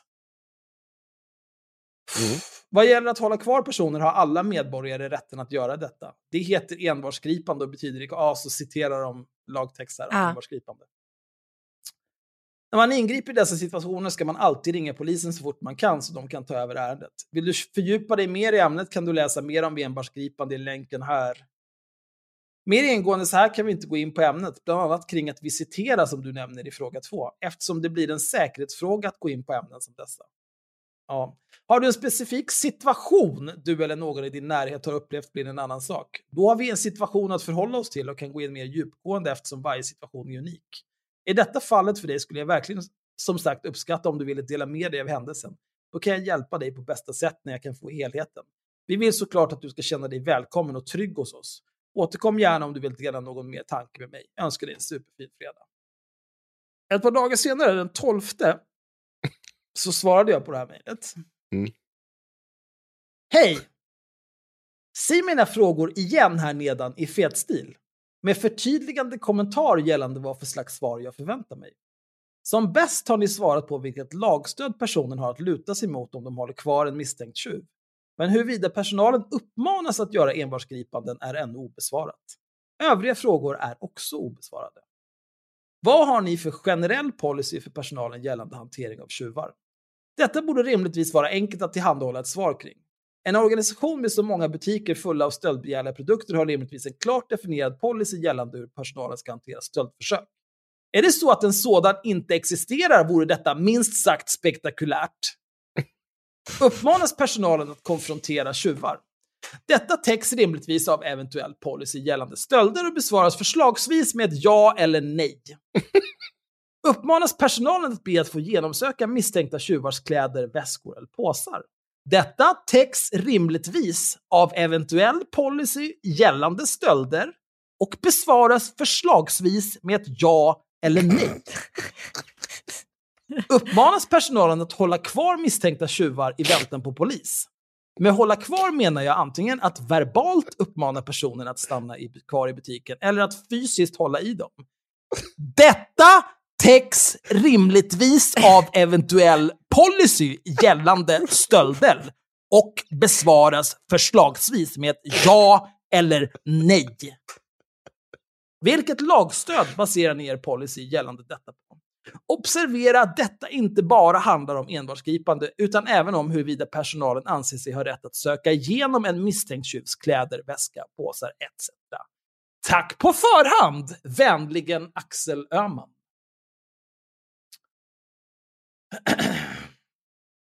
Hej igen Axel, dagen efter, den 13. Dagen efter ändå, nu. Mm. Nu, har, du- nu har de speedat upp det Du har här. blivit en sån snackis kring eh, fikabordet här. Ja, nu när jag sitter och läser det här så känner jag bara alltså... You wanna fucking go? Alltså det här kan vi fortsätta med för evigt. Självklart har vi riktlinjer som personalen kan luta sig tryggt mot. Det du vill är att vi ska lämna ut våra interna riktlinjer till dig. riktlinjer som berör hanteringen av tjuvar är känslig information och får inte spridas hur som. Jo, det är offentliga uppgifter. Men jag vad, säga. det är också så här, hur är det känsligt? Om, om man... Eh, Systembolaget har ju liksom hundratals butiker. Mm. Det sker säkert stöldförsök eh, flera gånger, tiotals gånger per dag totalt i deras butiker. Så allmänheten kan bevittna deras rutiner, förutsatt att personalen följer dem. Kan bevittna dem i realtid. Ja, men det, det är inte ett argument. Det kan ju vara att man vill försöka hålla dem, hemlighålla dem utifrån, att man inte vill avslöja för mycket för tjuven, så att säga. Att eh, man inte vill lämna ut att vara helt transparent. Men jag tror att fortfarande att du kan nog ta fram de rutinerna och kräva dem bara genom offentlighetsprincipen. Skriva till eh, Systembolaget och bara någon typ av registrator där och säga så jag vill ha ut era rutiner kring stöld. Jag vill kunna Alltså, granska det ska dem. vi 100% göra. Så att det, det är bara att du behöver skicka det till rätt person eller påtala att det här borde väl vara, absolut i högsta grad vara en del av offentlighetsprincipen. Om inte, i så fall varför menar du att det inte innefattas där? Men- Men det är jag som är rättshaveristen här. Ja men nu vart jag intresserad också. Ja. Ska du hålla på och jävla Jo, bitcha men om... du, du, men du ser ju, de sitter ju uppkäftiga och tror att de är något. Ja, ja. ja nej, men det känns... Bra Axel! Bra! Kom här, ta en tom. Bra! Knogga, knogga. Nu kör Jag hänvisar dig igen till mitt svar ovan som kommer ifrån vår säkerhetsavdelning och klipper in det även här nedanför. Det är Oj. svaret vi kan ge dig på dina frågor. Nej, Gjorde, vi- gjorde hon nej. det fetstilt också? Nej, hon har gjort det i versaler. Ja. Eh, Ja, det ser helt fucked ut. Det är Ja. versaler och liksom blandad storlek på typsnitten mellan, beroende på vad det är för citat. Alltså det är helt sinnessjukt. Mm. Eh, för att kunna hjälpa dig vidare behöver jag få svar på följande fråga. Har du varit med om någon situation där du upplevt att personalen agerat konstigt enligt dig? Eh, Nej. och det här är återigen, alltså jag, eh, det finns flera anledningar till att jag inte tänker säga vilken butik det här gäller. Eller så här, vad, eh, inte här, och framförallt inte till de här jävla människorna. För att det här är enkla frågor som borde gå att besvara utan att de ska hålla på och liksom sätta dit någon. Sen kanske den här personen behöver bli av med jobbet oavsett, men det skiter jag i. Ja, och så skriver hon, varför jag behöver veta detta är för att kunna hjälpa dig vidare. För vi kan inte prata om säkerhetsfrågor som dessa utan att ha ett konkret fall att hålla oss till. Jag har dubbelkollat med vår säkerhetsavdelning. De är tydliga med vad vi går ut med till kund och vad som stannar inom företaget. Nu är det så här att jag råkar vara ägare till Systembolaget. Ja men vänta här. Här är vi faktiskt inte olikt andra företag, då andra företag inte heller lämnar ut information som berör deras säkerhet. Önskar dig en fin kväll. Oj. Jag svarade 50 minuter efter att jag fick det här mejlet. Ja. Hej! Jag förväntar mig inte att du ska skicka mig en massa policydokument. Men efter att ha väntat i nästan tre månader förväntar jag mig fler svar och mindre fortsatt tjat om att jag ska berätta om något särskilt har hänt. Du får nöja dig med att jag har bevittnat ett händelseförlopp som väckte dessa frågor hos mig. Du menar alltså att du inte ens kan svara ja eller nej på frågorna nedan med hänvisning till att det skulle ge mig en alltför djup inblick i de interna policydokument som reglerar detta hos er. Uppmanas personalen att konfrontera tjuvar? Uppmanas personalen att be att få genomsöka misstänkta tjuvars kläder, väskor och påsar? Uppmanas personalen att hålla kvar tjuvar i väntan på polis? Vänligen Axel Öhman. Jag får ta tillbaka, jag live-googlar nu. Tydligt, och de omfattas inte av uh, offentlighetsprincipen. Nej, det är väl företagshemligheter precis som friskolors betyg och så vidare. Ja, det är så här står det. Det är så jävla Timbro har skrivit. Varför ska, varför ska friskolor omfattas av offentlighetsprincipen men inte Systembolaget? Båda ska det. Båda ska omfattas av Alltså, det. Alltså jag kan inte bry mig mindre om Systembolaget ska omfattas som, av Det offentlighetsprincipen eller de. inte. Men ni vet ju vad jag tycker om friskolor. Ja, Nu har de, eh, jag får ett svar på det här. Den kommunikatör som jag pratade med förut Mm. har lämnat över det här till en annan kommunikatör. Mm, det hade jag Det också märker gjort. man. Va? Ja. Det hade jag Det också märker man genom att eh, mindre retarderat språkbruk, men också att den här, den här nya kommunikatören har klarat av att göra en eh, signatur i Outlook. Mm. starkt. Stort. Stort. Hej Axel! Det är olyckligt att du har fått vänta så länge. Dock hade svaret blivit detsamma oavsett när vi svarat dig. Alltså, Tre månader senare. Ja. Ja, det är synd, men har du testat att knulla dig själv? Ja. Ser även att min kollega redan för tre månader sedan svarade dig följande. Av mesta vikt handlar arbetet på butik om att vara proaktiva i mötet med alla kunder genom att se, uppmärksamma och finnas till hands för de som besöker oss. Med det sagt kan god och omtänksam service också fungera som förebyggande för den som har tänkt att stoppa på sig en vara i avsikt att stjäla. Hur är detta ett svar på någon av mina frågor? Det är tydligen så felfritt det här sättet att arbeta. Att om de bara är trevliga nog mot sina kunder kommer ingen stjäla. Mm. Jag respekterar att det, det du har bevittnat har väckt frågor. Däremot är svaret från oss detsamma som jag svarade i mitt förra mejl. Vi kommer inte kunna ge dig ett ja, nej eller fördjupande svar på dina frågor som jag tidigare förklarat. Jag önskar dig en fin torsdag. Då tänker jag säga så här, Axel. Ska jag hjälpa dig på vägen? Om du lyssnar på det här nu och så lys- eh, jobbar du på Systembolaget. Kontakta oss på haveristerna protonmail.com. Berätta, vi kommer såklart eh, aldrig röja din identitet. Har du sett de här dokumenten eller råkar ha dem sparade någonstans, skicka dem mer än gärna. Och så ska vi läsa upp dem i nästa avsnitt. Det är inte på något sätt du kommer inte bli röjd, du kommer inte behöva oroa dig. Det enda vi är intresserade av det är de här dokumenten. Jag insåg precis att en, eh, en kompis som jag Axel har spelat en del med. Ska du inte outa den då?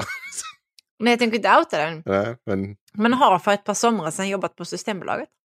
Det finns nog många som kan svara på de här frågorna. Mm. Ja, och som, det är inga problem för att de kommer aldrig kunna identifiera det. För det är så jävla många som jobbar på Systembolaget. Och det är en så jävla vanlig grej och alla som jobbar i butiken kommer vara, eh, vara utbildade i det här. Så att det kommer vara hur enkelt som helst att få fram. Jag förstår inte varför de är så jävla envisa med en sån enkel sak. Men det, jag, jag vet. Mm. Det här det är för att de, de är oroliga över att det ska ha hänt någonting. Mm. Eh, och om de svarar, om de inte svarar, Mm. då är, det, då är läget oförändrat. Mm. Om de svarar, då kan jag få ett svar som hjälper mig att driva någon typ av process eller att springa Mm. och grina Ja. i media eller något liknande. Ja. Så då väljer de att bara stonewalla.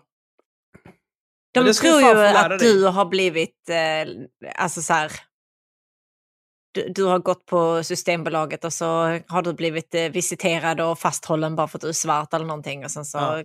Det är det de tror Men det som hänt. egentligen hände, det var att det var någon jävla EU-migrant som stoppade på sig ett par bärs. Och jag var på lite dåligt humör den dagen, så att jag bestämde mig för att Here we stand! Va- vad är egentligen det du vill komma fram till här om man får fråga? Nej, det är en blodshämnd mot Systembolaget. Ah, men ja, ja, ja, så det är tusen generationer framåt, det spelar ingen roll. Nej, Tills okej. den sista butiken är förintad. Hopp. Ja, ja. Du, tänker du handla min sprit i helgen innan du förintar Jag ska, alla börja, butiker? jag ska börja bränna egen sprit. Ah, fy fan, jag som bara ville dricka någonting gott i helgen. Och så ska jag köpa ett avsågat hagelgevär så jag kan skjuta både polis och kronkalle när de ja. kommer hit för att beslagta min brännarutrustning. Jag ska jag mig leva gangsterliv här ute i Vega. Håll på, slipper dricka den Då köper man en Chicago typewriter. Jag är vuxen nu, jag dricker inte hembränt längre. Nu får du ge dig. Kan vi... Det är svingott. Gud vad ah. gott det är. Det är så jävla gott. Uh, jag tar avstånd. Okay. Vad ska du ha för någonting då, Sanna? Suröl! Ja, just det, du sa det. Ja. Jag måste skriva upp det här på min inköpslista, för annars kommer jag glömma bort det igen. Ah, och ingen så pissig, inte någon sån här... Men har du något märke som du gillar? Ja, men jag kan ge det lite. Ja. Eh, Jag vill bara åter, snabbt återknyta, för det här kom i gruppen precis nyss. Och jag måste bara, för det var så jävla roligt. Robert Hanna för två timmar sedan, Liberalernas Robert Hanna. Regeringen vill inte vill räkna Sveriges katter, men en nationell folkräkning som Liberalerna försökt få igenom i budgetförhandlingar vägrar man gå med på. Det är faktiskt en säkerhetsfråga att folk är, skriv, äh, äh, att folk är skrivna på rätt ställe. Ja, det är så- intressant att han tycker det. Ja, och då, då, det, det tycker också vänsterpartisten Johan Svensson. Helt klart viktigt att vara skriven på rätt ställe. Helt klart. Och så tog jag jag med har en bild. nämligen jag bild har en här. grej här. Ja, Eh, jag, jag, en sak jag tänkte ta upp. Eh, Ja. Jag skrev som rubrik till det här, Robert Hanna är en horunge. För han är en jävla horunge. ja men gud. Eh, det här, jo men det Jag är han, avstånd. 100%. Kommer du inte Ja. ihåg vad han skrev? Den där Jo, jävla råttan. Fuck honom. Men jag tar avstånd ändå. Här i Expressen, eh, publicerad 27 oktober i år. Eldtoppen flyttade hem inför provvalet. Petas. Att Eldtoppen skrev sig i Göteborg samma dag som provvalet inleddes hjälpte inte. Nu får Liberalernas migrations och integrationspolitiska talesman Robert Hanna nöja sig med en andra plats på riksdagslistan. I vart fall om medlemmarna i Göteborgsliberalernas provval får bestämma. Listan toppas istället av det tidigare kommunalrådet Helene Odenjung, som helt nyligen offentliggjorde sin kandidatur. Och här har vi fått lära oss av Caroline Dahl att hon inte är samma typ av kappvändande, opportunistisk, stövelslickande fascistvurmare som Robert Hanna är. Ja. Det är ju tråkigt. Ja. Eh, men det här är jag orkar inte riktigt läsa den här artikeln, Nej. men det handlar om att han menar att eh, eh, han, han flyttade till Stockholm efter 2018 när han blev invald i riksdagen och har varit skriven där sedan dess. Eh, han menar att det beror på att han och hans make var tvungna att vara skrivna på samma adress för eh, någon typ av adoption. Ja. För att uppfylla regler för internationella surrogatarrangemang. Jo, det är, Det är. Göteborg jag är invald, verkar som ledamot och kommer kandidera på nytt. Det finns inga taktiska skäl, det här är en privat angelägenhet. Mm, absolut. Absolut. Det Och det, det kan också vara den samma Johan... dag som provvalet. Ja, det var också den artikel Johan delade Ja. till Robert och förklarade att ja, det är viktigt att folk är skrivna på rätt adress, eller hur Robert? Hallå? Hallå? Men det är såklart, de, det är ju aldrig de, de här som ränner runt och skriver om sig och bara får, ja, här bor jag i Nej, en det- soptunna Ja, det är som i han Erik, skogen. Erik Bengtsbo Men- som vi ja. pratade om här om nu Ja. sistens. Och så här. Ja, Nej, jag har skrivit, ja, nej, men de är ju... De är ju inte människor. Men jag tänker att vi ska inte låsa oss vid det. Vi ska prata om, för det här kommer bli, jag tror ändå så det här kommer, förutom avstickan till ehm, Systembolaget, så kommer det här bli det stora högeravsnittet. Oj. Patrik Wallén, vet ni vem det är? Nej, Nej, då ska jag berätta det för er. Spännande. Ordförande i Vola, eh, Volati, engagerad i Kvartal och Tillväxt Stockholm. C-O-Y-G, hjärta, radhustorget.nu, varning för dyslexi och särskrivning.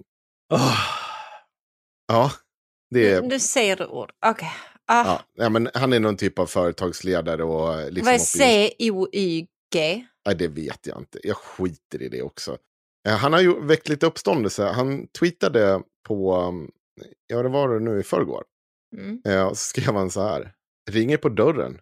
En DHL-kille utanför. Pulsen går upp. Jag vågar öppna dörren. Öppna med appen med larmknappen. Sverige 2021. Mm. Mm. Och sen skriver han också. Not till mig själv. Om du erkänner att du är rädd. Så släng av, stäng av notiserna på sli, så slipper du läsa hur, hur du är feg. Fiskmås höger som behöver söka psykolo, psykologhjälp. Mm, väldigt kränkt. Um, och han har rätt att det, det blev ju lite reaktioner. Eh, ett par stycken. Uh, och jag har sparat ner några. Och det, um, men vi kommer komma till så här. Det, jag kommer ta några av de här reaktionerna som jag tyckte var lite småroliga. Uh, Staffan, att gummidjuret heter han. Han, han har delat Patrik Walléns tweet och skriver så här. Verkliga versionen. Jag står vid dörren hela dagen. Till slut plingade på telefonen. Ett sms. DHL-bud. Vi har försökt nå dig, men du var inte hemma. Det är ju 100% så. Anna Björklund vill också läsa in i kampen. Hon skriver nej. så här. Alltså, får jag bara innan, alltså, Ja. varje gång Anna Björklund ska ge sig på någon sån här, den här typen av hype train, det blir alltid ett sånt otroligt cringe magplask. Ja. Och det här, jag vill att vi kommer ihåg hennes tweet speciellt. Så här. Tänk om man hade varit barnlös och riktigt fattig. Då hade man verkligen kunnat flabba åt skämtet om lägenhetsrån. Och så var det någon typ av brustet hjärta. Ja. Sad face. Mm. Eh, Patrik Fred. Jag förutspår att nästa års halloween-dräkt är läskigt DHL-bud. Ja, jag har ingen som skrattar. Ja, kul. Ja, det var inte så kul. Tough crowd. Men den här tyckte jag var bra. eh, nu ska vi se. Han heter Apmage. Eh, och han har delat en bild på Jos, Josop Lars. Bockfot heter den. Om det ringer på dörren inom cita, cit, eh, citattecken. Grejen hade handlat om risken att som kvinna bli våldtagen. Hade det varit lika roligt då att driva med personer som outade sin rädsla? göra memes och göra sig lustig på dennas bekostnad. Sverige 2021. Och då har Apmage skrivit så här. Om det hade varit annorlunda hade det varit, hade det varit samma då. Va? Va? Nej, just det. DJ Ruskig svarar. Det är verkligen det allra galax galaxhjärnigaste jag har läst av retoriska grepp.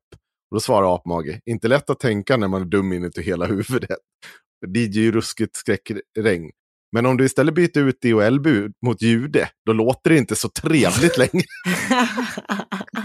och då svarar Apmage, byt ut Bellman mot horunge så förstår du hur opassande ditt skämt är. jävla... Ja, det är bra. Ja, den, den gillade jag. Mm. Nu ska vi se då. Uh... så jävla bra. Folk är verkligen så jag är trött på sånt där. Är inte rädd för något DHL-bud. Hela huset är fullt av sådana där ensam hemma-fällor. Och så går vi här då. Vi ser vad den skriver. Det ringer på dörren. Ett DHL-bud kommer med mina nya Adidas-skor. Där tänker jag, du Axel kan relatera dig till om du inte hade varit för evigt singel. Det ringer på dörren. Kränkning? Nej, Vad okay. helvete? Det ringer på dörren. Ett DHL-bud kommer med mina nya Adidas-skor. Får hjärtklappning. Hur ska jag våga öppna dörren, ta emot paketen utan att min kära sambo som sitter med klar sikt mot ytterdörren kommer att inse att jag köpt ännu ett par onödiga skor. Sverige 2021. Ja. Tyckte jag var bra. Man får väl se till att vara vuxen och ha en egen ekonomi så man får göra vad man vill med sina egna pengar. Ja. Corblion Gevalius. Ett blött finger i luften, ett darrande finger på larmknappen. Skägget bredvid inkastet och ögonen på Mentions på Twitter. Utanför så står ett stackars DHL-bud och undrar vad fan, när fan någon ska öppna. Ja. Alltså. Eh, tar vi nästa. Låten som aldrig har blivit rånad av sitt DHL-bud kastar första stenen. Foliekatt var det för övrigt. Eh, Håkan Olsson här tycker jag är bra. Körde rakt över ett DHL-bud i morse. Tog en för laget. Det här är en väldigt dum Twitter-tråd. Ja, jag vet. Bra.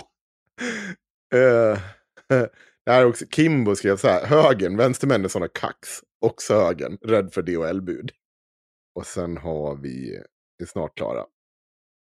Det ringer på dörren, ett DHL-bud kommer. Han ger mig en lapp. Det står horunge, du är verkligen sist och sämst på alla trötta Twitter-takes. Det tyckte jag var bra. Det var nästan bäst. Mm. Ja, i alla fall. Jag eh, var tvungen att titta lite på vem den här Patrik Gunnarsson är. Och varför, eh, varför han är så rädd att bli rånad av DHL-bud. Vet ni, vet ni var han bor? Nej. Ingen aning.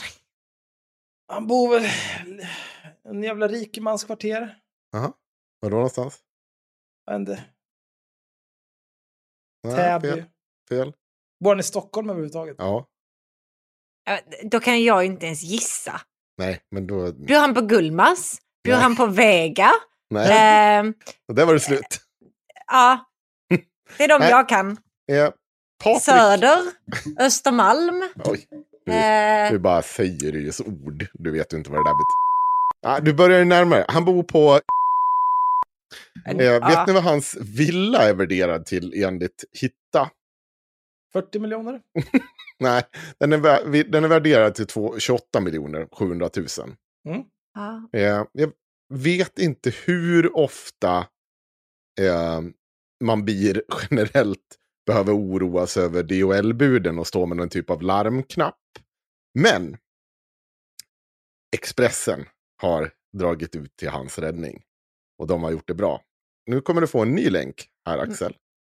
I, eh, kan du inte straffa Sanna med den istället? Ja, Men Sanna alltså också... Sanna, din tur att läsa. Men om du hade varit ett DHL-bud som rånade folk, hade du inte gått och rånat de rika då?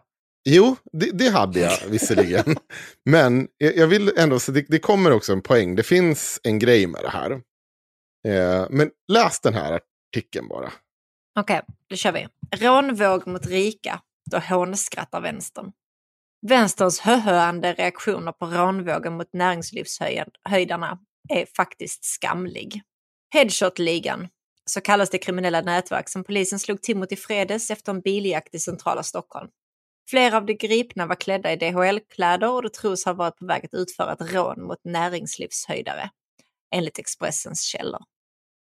Patrik Wallén, grundare av investmentbolaget Volati, som bland annat äger Akademibokhandeln, beskrev dagen därpå på Twitter hur händelsen påverkat honom. Ringer på dörren. En DHL-kille utanför. Pulsen går upp. Vågar öppna dörren. Öppna appen med larmknappen.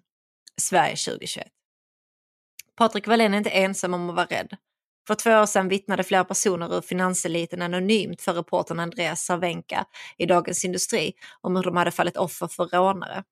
Det handlade om brutala överfall, inte sällan i hemmet. En man fick en pistol tryckt mot tinningen och hotades med att bli skjuten om han inte snabbt överlämnade sin klocka. Många rån drabbar familjer med dyra bilar. I Bromma blev en kvinna och hennes barn 2017 bundna i sitt eget hem av beväpnade rånare som sedan försvann med deras bil. Sommaren därpå pågick en liknande rånvåg i Djursholm, där Patrik Wallén råkar bo. Förmögna personer kan visserligen köpa avancerade säkerhetstjänster som boende i segregerade förorter bara kan drömma om, men deras pengar gör dem samtidigt utsatta. Dåden är ofta välplanerade. Fordonsinnehav och inkomstuppgifter är lätta att söka upp på nätet. En man som rånades på sin klocka under pistolhot berättade i DE att han, att han har åtminstone tio vänner som råkat ut för samma sak. Oj. Tur att du inte känner tio pers med Rolex Axel, i så fall hade du varit jävligt utsatt. Mm. Ja, jag känner mig otroligt utsatt överlag. Ja, men det förstår jag.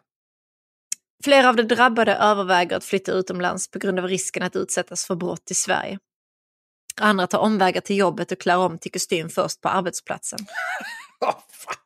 Som jävla bakvända Superman. Åker till Nej, jobbet alltså- och sen bara, oh, Clark Kent. Ja, Alltså är man... Eh, eller alltså, Superman är ju Clark Kent på jobbet, det fattar jag också. Men eh, alltså, ja, han byter jag av. vill lämna den här liknelsen. Svanström, jag ber om ursäkt. Mm. Ja, men det känns ju konstigt det här med liksom, så att ta på sig kostym. Alltså kostym är ju ändå inte... Vi, vi lever liksom inte i den typen av eh, klassamhälle. Att, Det beror väl på vilken kostym du bär. men vem ser skillnad på en kostym? En kostym är en kostym liksom. Mm. Jag Tror hör att att du folk inte kommer som- från pengar, Axel. Ja, nej men tror du Mm. att folk som liksom klär ut sig som DHL-bud för att råna folk, tror att de ser skillnad på en skräddarsydd rejäl kostym den är dressman-skit? Mm, Jag har ingen aning. Nej. Man kan ju hoppas att om man, om man gör, om man liksom inriktar sig så pass mycket på att råna rika så borde man kanske se till att man vet vad det är man rånar dem på. Ja, det Eller? känns ju troligare att man blir rånad i sitt hem än att så här, ja ah, fan, ser ni han där på tunnelbanan med kostym? Vi tar han. Och de åker väl ändå inte tunnelbana, så vad fan spelar det för roll? Nej, nej jag vet faktiskt inte. Här kommer resten. Mm. Det är närmast sydamerikansk utveckling som har fått märkligt liten uppmärksamhet i Sverige. En förklaring till tystnaden är nog att få vill berätta vad de varit med om. Har du pengar är attityden lite att du får skylla dig själv, som en man uttryckte saken. Det lär knappast bli fler som talar ut efter det bemötande som Patrik Wallén fick på Twitter. Rasist, offerkofta, psykotisk och patetisk var några av alla de tillmälen som kastades efter honom. Företrädelsevis från vänsterhåll. Att påtala att gängens växande våldskapital inte bara riktas mot andra kriminella var tydligen något slags politiskt etikettsbrott. Nådde den som hävdar att Sverige blivit mer otryggt. Talande nog var det inte främst anonyma nätroll som drev det. Det var riksdagsledamöter och journalister som hånade honom öppet. Gissningsvis skulle de här personerna inte driva med kvinnors rädsla för att möta en man i en mörk gångtunnel efter ett våldtäktsförsök. Eller med en imams oro efter att säkerhetspolisen avvärjt ett moskéattentat. En av de hånfulla, DN Kulturs Kristoffer Ahlström, har rent av tidigare skrivit om hur män borde bli bättre på att tala om känslor. Men när en vit, rik, medelålders företagare har modet att erkänna att han är rädd dagen efter ett allvarligt rånförsök behandlades det plötsligt som ett skämt. Som om ett fett bankkonto... Fett bankkonto? Som om ett fett bankkonto skulle vara en tröst när en rånare riktar ett vapen mot dig inför ögonen på dina barn. Mm. En stor kuk Alltså, jag tröst i en tror- fattig familj. Jag tror inte att ett fett bankkonto är, gör situationen sämre, men absolut. Vänsterns höhöande i den här frågan är faktiskt skamlig. Oj. Nu är den slut. Det känns ju också så här, ehm, om, om det är så här dagen efter att någon liga har blivit tagna utklädda till DHL-bud för att de ska råna någon rikemanskuk. Mm. vad för typ av jävla idiot klär ut sig till DHL-bud för att råna någon då? Då är man Jag ju sällsamt jävla korkad.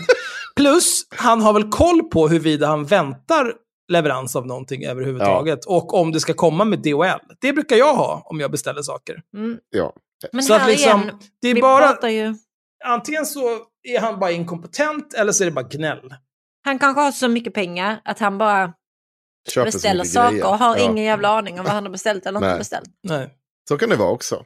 Nej, men då får han väl, an- han, han, bor han i en, vi- är, är det, har han ett hem för 28 miljoner så har han väl råd att anställa någon typ av vakt. Ja, han hade ju också en larmknapp på mobilen av konstig anledning. Och det får man ju också. Då antar jag att han har eh, anlitat någon typ av säkerhetsbolag. För att jag det väl kan inte se varför något. han skulle vara eh, inblandad i någon typ av skyddsgrej grej hos polisen. Nej, har men det är väl bara ett, eh, ett vanligt personlarm eller, alltså, så här, eller att det är kopplat till själva huslarmet så kan du... Ja, liksom, det, är, precis. det är ju inga svårigheter. Nej, och det finns ju den typen av tjänst. Och, Mm. och jag tror inte riktigt att det hö-höandet handlar om just att man tycker att så här, om, om han hade blivit rånad så hade vi ju sett och hö-höa. Utan det hö-höandet kommer åt att så här, det, du, det enda du berättar här det är att ett DHL-bud eh, dyker upp och du får panik i din rikemansvilla ute i Djursholm. Är du va? Jaha? Och vad menar du? Så här, jag, jag kan säga vad som hände i Djursholm efter att den här rånvågen som man pratar om, nu vet jag inte exakt hur många rån det i slutändan handlar om, men så här, flera otäcka rån eh, den senaste tiden hemma hos privatpersoner gör nu att Danderyds kommun utökar bevakningen med väktare. Staten klarar inte av att upprätthålla lag och ordning, säger Hanna Bokander, Moderaterna. Danderyds kommun skriver i ett pressmeddelande att vapen har förekommit vid rånen och att några av de drabbade har misshandlats. Eh, och eh, senast i måndags rapporterar SVT Nyheter Stockholm om en familj som i söndagskväll berånade sin bostad i Djursholm. Där två pistolbeväpnade män trängdes in och hotade familjen. Och vad händer då såklart i den här överklassområdet? Ja, då direkt går kommunen in och löser så här. Nu ska vi ha extra bevakning, det är upp med mer jävla kameror, det är liksom pang, pang, pang. Tror du resten av Sverige liksom har den här typen av beskydd? För att ni får liksom någon typ av, oj, här kom det någon och var äcklig mot oss. Det här är ju inte, det här, ni, ni lever ju i en fantasivärld.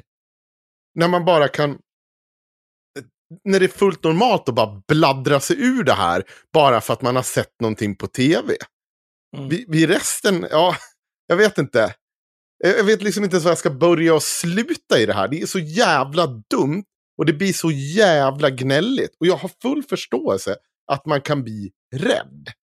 Men, men det är ju inte så här, precis som du säger, det här är dagen efter de har gripit den här ligan. Ja. Jaha, så att Ja, nu ska det- de... Ja, men det ja, men det blir ju bara, det blir bara något jävla skryt liksom. Ja, så det- här, eh, headlinesen blir att eh, det kommer någon jävla rånliga som drar över massa rika i Djursholm. Ja, Dagen efter bara, åh, tänk det kunde ha varit jag här för jag har så himla mycket pengar och jag är så himla rik och vad jobbigt nu och beställa massa saker hem till Oj. mig och så. Det, Men de blir, här- det blir bara skryt. Alltså, Blev de inte gripna in i stan också? jo. Alltså i city. För jag tänker, i city, där är det ju liksom en biljard flyktvägar. Ja. I Djursholm, det är liksom inte, är du ute i något jävla villaområde där, där husen kostar runt 30 miljoner, det är inte så här att det är, det är svårt att bli osynlig efter att du varit inne och rånat någon. Nej, men det har de ju uppenbart lyckats för det, det har ju hänt tidigare. Jag, jag säger Jo, men då det, gör de väl inbrott på natten där de vet att folk är bortresta och sånt där. Jo, men det, det jag tycker att det blir så här, så här jo men eh, om du pratar om så här, den, den otrygghet som finns i Sverige och sånt. Det går ju liksom inte bara själv att ställa sig i centrum för allt det här så fort någonting, alltså så här, det har ju inte hänt dig någonting. Och ändå så sitter du och tweetar om som att liksom, oj och way, här har jag liksom, springer runt vakter överallt och kameror överallt och jag har en larmknapp på telefonen och ska jag känna mig otrygg. Fast du verkar ju ha det ganska tryggt. Och du bor väl i ett av Sveriges säkerligen tryggaste områden. Det är det brottsligheten till 100% består, består av ekonomisk brottslighet som knullar andra andra i det här jävla landet. Mm. Det är så här... Och ja, jag vill inte ens börja med sannolikt vad den politik han vill ha leder till för alla andra i det här jävla landet. Men det är ju... eh, Ja, sydamerikanska mått. Jag har ju Ja. eh, viss inblick i hur det är i Venezuela. Det är inte Djursholm, snälla nu. Nej, det är inte ju så. Alltså, det, alltså när de rånar folk i Venezuela, ehm, då, där, är det- där carjackar de ju folk 24-7. Men det är också så här att det det är ingen där av de rånarna som har liksom någon typ av tålamod med att folk ska hålla på och trilskas och säga emot. Utan om du inte vill, om du inte vill ta av dig din klocka, då är det lättare att jag tar av dig den efter att jag skjutit dig i huvudet. Så var det bra så. Mm. Eh, så att liksom hålla på med det här jävla alarmismen. Bara, "Åh, det är sydamerikanska mat. Också som att alla länder i Sydamerika är bara brinner. Men det är också, inte heller riktigt sant. nej, också Expressen, så här, flera av de drabbade överväger att flytta utomlands på grund av risken att Ja, get the fuck out. Sverige. Vem bryr sig? Ja.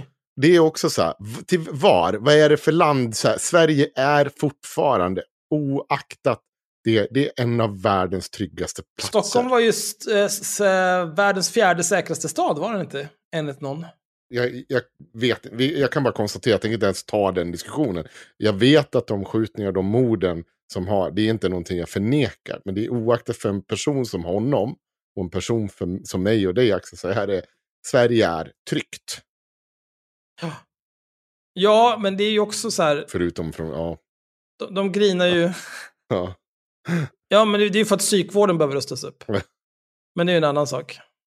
Och ja. eh, för vissa så är det ju, vet ni, eh, ah, nej jag orkar inte gå in på det. Vadå? Jag tänkte dra ett tandskämt, men jag orkar inte. Okej. Ett tant. Alltså någonting man ofta dog av förr i tiden var ju att ens tänder fuckade ur på något vis. Att de hade liksom inte tandläkare på samma vis som vi har idag. Så att det börjar ruttna i käken Ja. under en tand för att den är död. Och så börjar det samlas bakterier och det blir bara vidare och vidare och så blir du sjuk i huvudet. Och så dör du av det. Eh, Men nu för tiden så har vi ju tandläkare, men tyvärr så täcks ju inte tandvård av högkostnadsskydd till exempel. Eh, Och det är ett ganska långsökt skämt om att det finns personer eh, i våra liv som har dåliga tänder, som förmodligen håller på att bli galna i huvudet av sina dåliga tänder och de borde omfattas av högkostnadsskyddet. Bra skämt Axel. Ja, jag Ja, vet. Jag tyckte också att det var kul. Mm. Ja, ja nej, men, men det var, jag vet inte, jag har inte så mycket mer att säga. Jag har ingen sympati alls det över för hans påhittade rånchock. Ja, jag, jag tycker bara att det är fjantigt. Eh, för det är liksom... Det blir liksom... Eh, det, det finns någonting liksom djupt vidrigt i just när det är människor som har alla förutsättningar att må toppen. Mm. Sen så, det kan ju såklart, även om du är rik så kan du lida av psykisk ohälsa eller bara ha det skit på något annat vis. Det är fullt möjligt. Men det är lättare att må bra om du också är miljonär. Ja. Och då liksom så här, ja du bor där på Djursholm och lever ditt bästa liv i din jävla villa och så här, beställer på DHL. Du beställer så mycket skit att du inte ens har koll på att det ska komma en leverans. Wow, wow, wow. Och så skriver du din böliga jävla tweet. Men det är ju liksom inte så att, det- den blir svår att ta på allvar för att jag ser liksom inte att folk som bor i områden som faktiskt är utsatta sitter och skriver den där typen av gnäll. Utan där är det antingen att de, de nattvandrar, eller de skäller ut politiker som kommer på besök, eller de skriver krönikor eller kolumner. Liksom. De gör någonting på riktigt. De sitter inte och bölar på Twitter. Nej. Och, och det blir svårt liksom att, att ta de här jävla överklassens krokodiltårar om hur jävla synd det är om dem på allvar. Jag håller med. Ja, han kan väl starta en liten eh, grannsamverkansgrupp så kan de Men- vandra runt och... Ja, alltså jag vet inte, han kan flytta ut hit till Vega, det är hur nice som helst.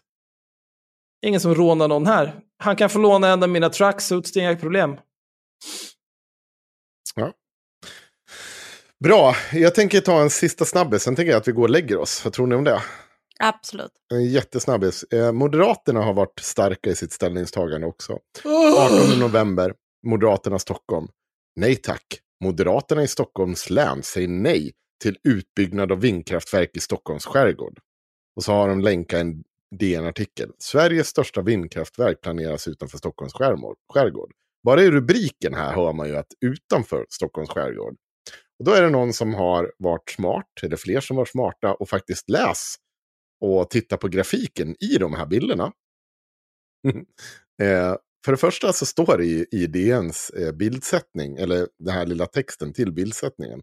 Lillgrund vid Öresundsbron med 48 vindkraftverk är Sveriges största havsbaserade vindkraftpark. Nu planeras en jättepark med 253 vindkraftverk, bara 55 kilometer från Sandhamn i Stockholms skärgård. Fe- 55 kilometer, Mm. bara. Det är ganska långt. 5,5 mil utanför Sandhamn. Ja. Nej, de är 300 meter höga. Eh, Någon hade räknat på att jordens krökning gör att man nog kan se toppen på dem. Från Stockholms skärgård. Ja. Det måste vara jobbigt för stockholmarna. Att Nej, jag vet inte, vem bryr 5,5 sig? mil härifrån så finns det vindkraftverk. Men det här måste ju vara folk som typ så hade tänkt åka med båt där eller någonting.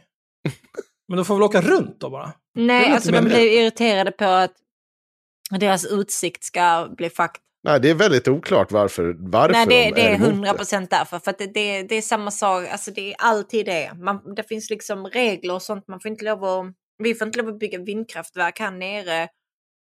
För att de, kust, min kustlinje. De skriker om det hela tiden. Jag vet inte om ni inte kommer från så fina ställen som jag gör. Men här nere på sydkusten, här värnar vi om våra kustlinjer. Det är Ja, det de är fall, upprörda över. 55 mil, eller fem- 55 kilometer bort utåt, fan ska de bygga den här vindkraftverken. Och Mm. det grinas redan. Alltså det är väldigt svårt att ta så, eh, Moderaternas tjat om att de visst kan Mm. liksom förena liksom miljö och allt vad fan det är eh, på allvar. När man sitter så här, nej, nej tack. Och nu ska det här visserligen utredas också om jag har förstått, så att det är inte säkert att de får det. Men alltså så på förhand bara säga, nu ska vi ställa en bunt vindkraftverk 55, mil, eller 55 kilometer från Sandhamn. Ute, mitt ute i ingenstans i vattnet. Vi, vi kommer möjligtvis kunna se toppen på det, men sen får man väl tänka på att en disig dag eller liksom inte ens det, lite värme. Alltså det, det Men inte också så- så här, vad spelar det för roll? Ska du stå och glo ditåt hela dagen eller? Du har väl saker att göra? Det var så jävla dumt. Grafiken till så här, varför? Kan du inte bara förklara vad fan det är för problem med det här? Man säger ingenting. Alltså, han säger så här, det finns en rad hänsyn att ta, men visst. Eh, vindkraftverken kommer att ha stor påverkan på det marina växt och djurlivet, inte minst för sjöfåglar, säl och tumlare. Och även påverka yrkesfisket. Områdets gränser till natur... Området gränsar till naturreservatet Svenska högarna och flera Natura 2000-områden. Alltså det är inte där i. Eh, och det, jag, jag fattar bara inte. Vad är problemet? Det kan, kan mycket väl komma fram någonting i efter utredningen. Men ja, då får ni väl vänta till det innan ni sätter er och skriker om att säga nej. För det, mitt ute i vatten, vad fan spelar det för roll? Nej, det är toppen. skitsamma. Det är väl toppen om vi har massor... Alltså, så här, så här, bygg kärnkraft då. Och kör då om det, det är det nu. Så här. Men vi kan väl också göra... Alltså, finns det möjlighet att ta tillvara på gratis kraft? Och att det här funkar. Till exempel, jag såg, det finns ju sådana jävla... Eh, jävla idioter i våra lokala Avesta-grupper och sånt där. De satt ju och skrek när det skulle upp eh, vindkraftverk i den angränsande kommunen. Vi ser dem nu. Vi, liksom hela när jag åker in mot stan så ser man massa så här vindkraftverk i liksom bakgrunden, men det är inte i vår kommun. Och då var det ju det här, ja, det börjar ju med att ja, men alla jävla fåglar skulle ju bara falla ner från skyn och dö, för att de, alla fåglar flyger tydligen in i de här.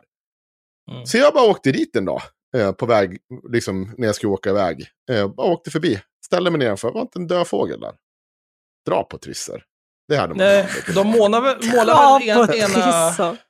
Ena rotobladet typ svart eller någonting.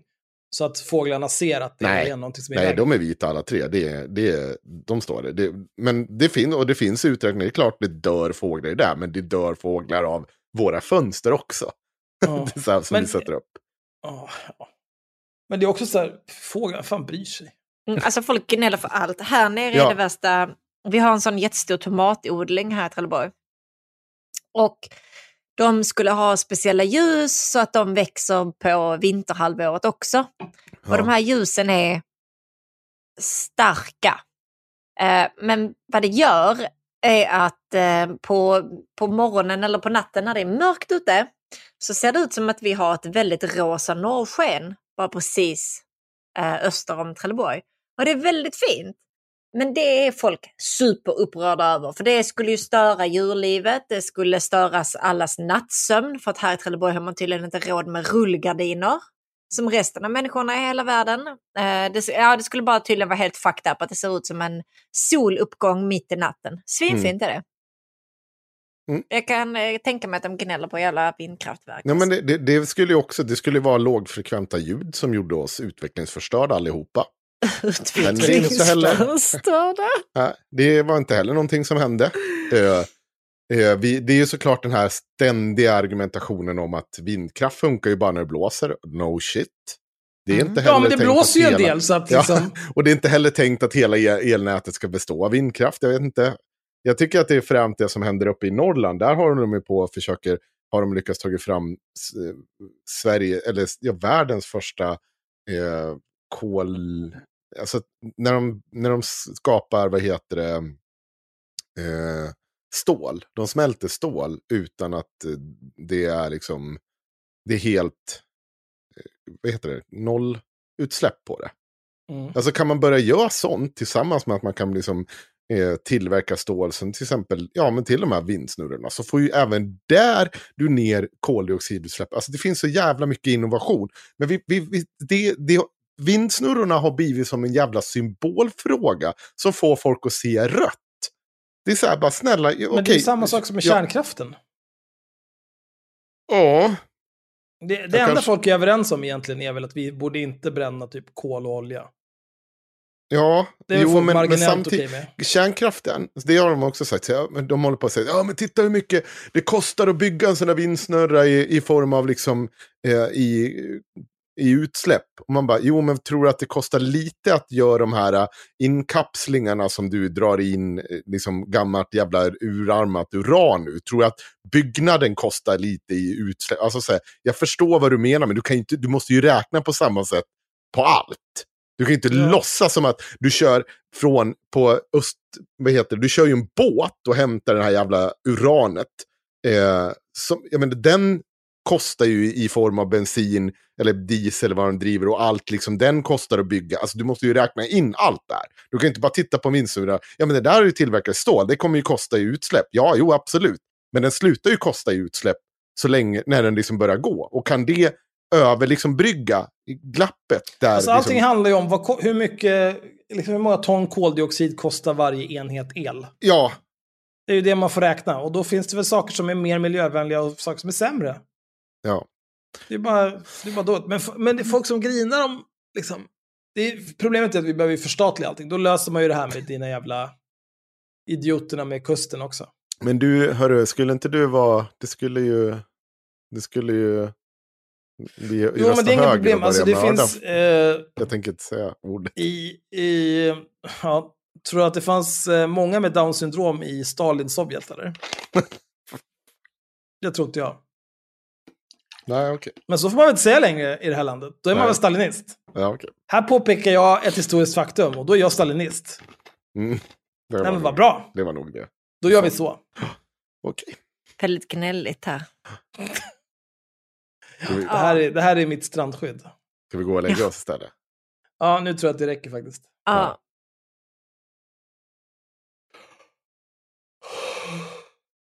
Ska, Fridens. ska någon säga hej då eller ska vi bara Jag sa Fridens! Hej då. Ja men vad fan. Varför gör du så här? Jag kan inte bara få gå hem. Jag vill ju gå hus.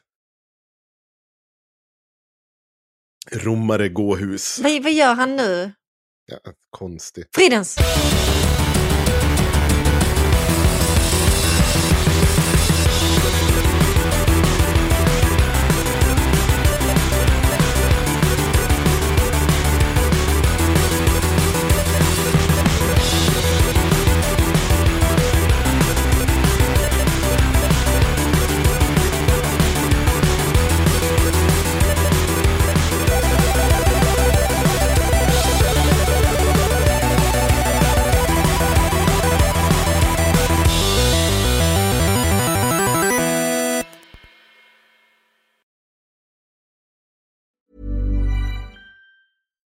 Here's a cool fact a crocodile can't stick out its tongue. Another cool fact you can get short term health insurance for a month or just under a year in some states. United Healthcare short term insurance plans are designed for people who are between jobs, coming off their parents' plan, or turning a side hustle into a full time gig. Underwritten by Golden Rule Insurance Company, they offer flexible, budget friendly coverage with access to a nationwide network of doctors and hospitals.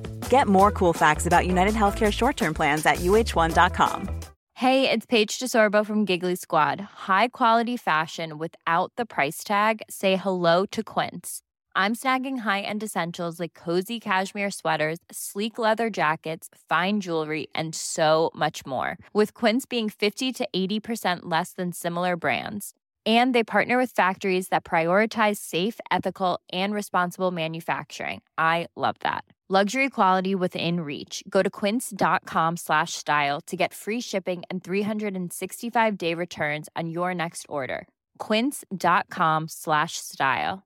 A lot can happen in the next three years. Like a chatbot may be your new best friend. But what won't change? Needing health insurance. United Healthcare Tri Term Medical Plans are available for these changing times. Underwritten by Golden Rule Insurance Company, they offer budget friendly, flexible coverage for people who are in between jobs or missed open enrollment. The plans last nearly three years in some states, with access to a nationwide network of doctors and hospitals. So, for whatever tomorrow brings, United Healthcare Tri Term Medical Plans may be for you. Learn more at uh1.com.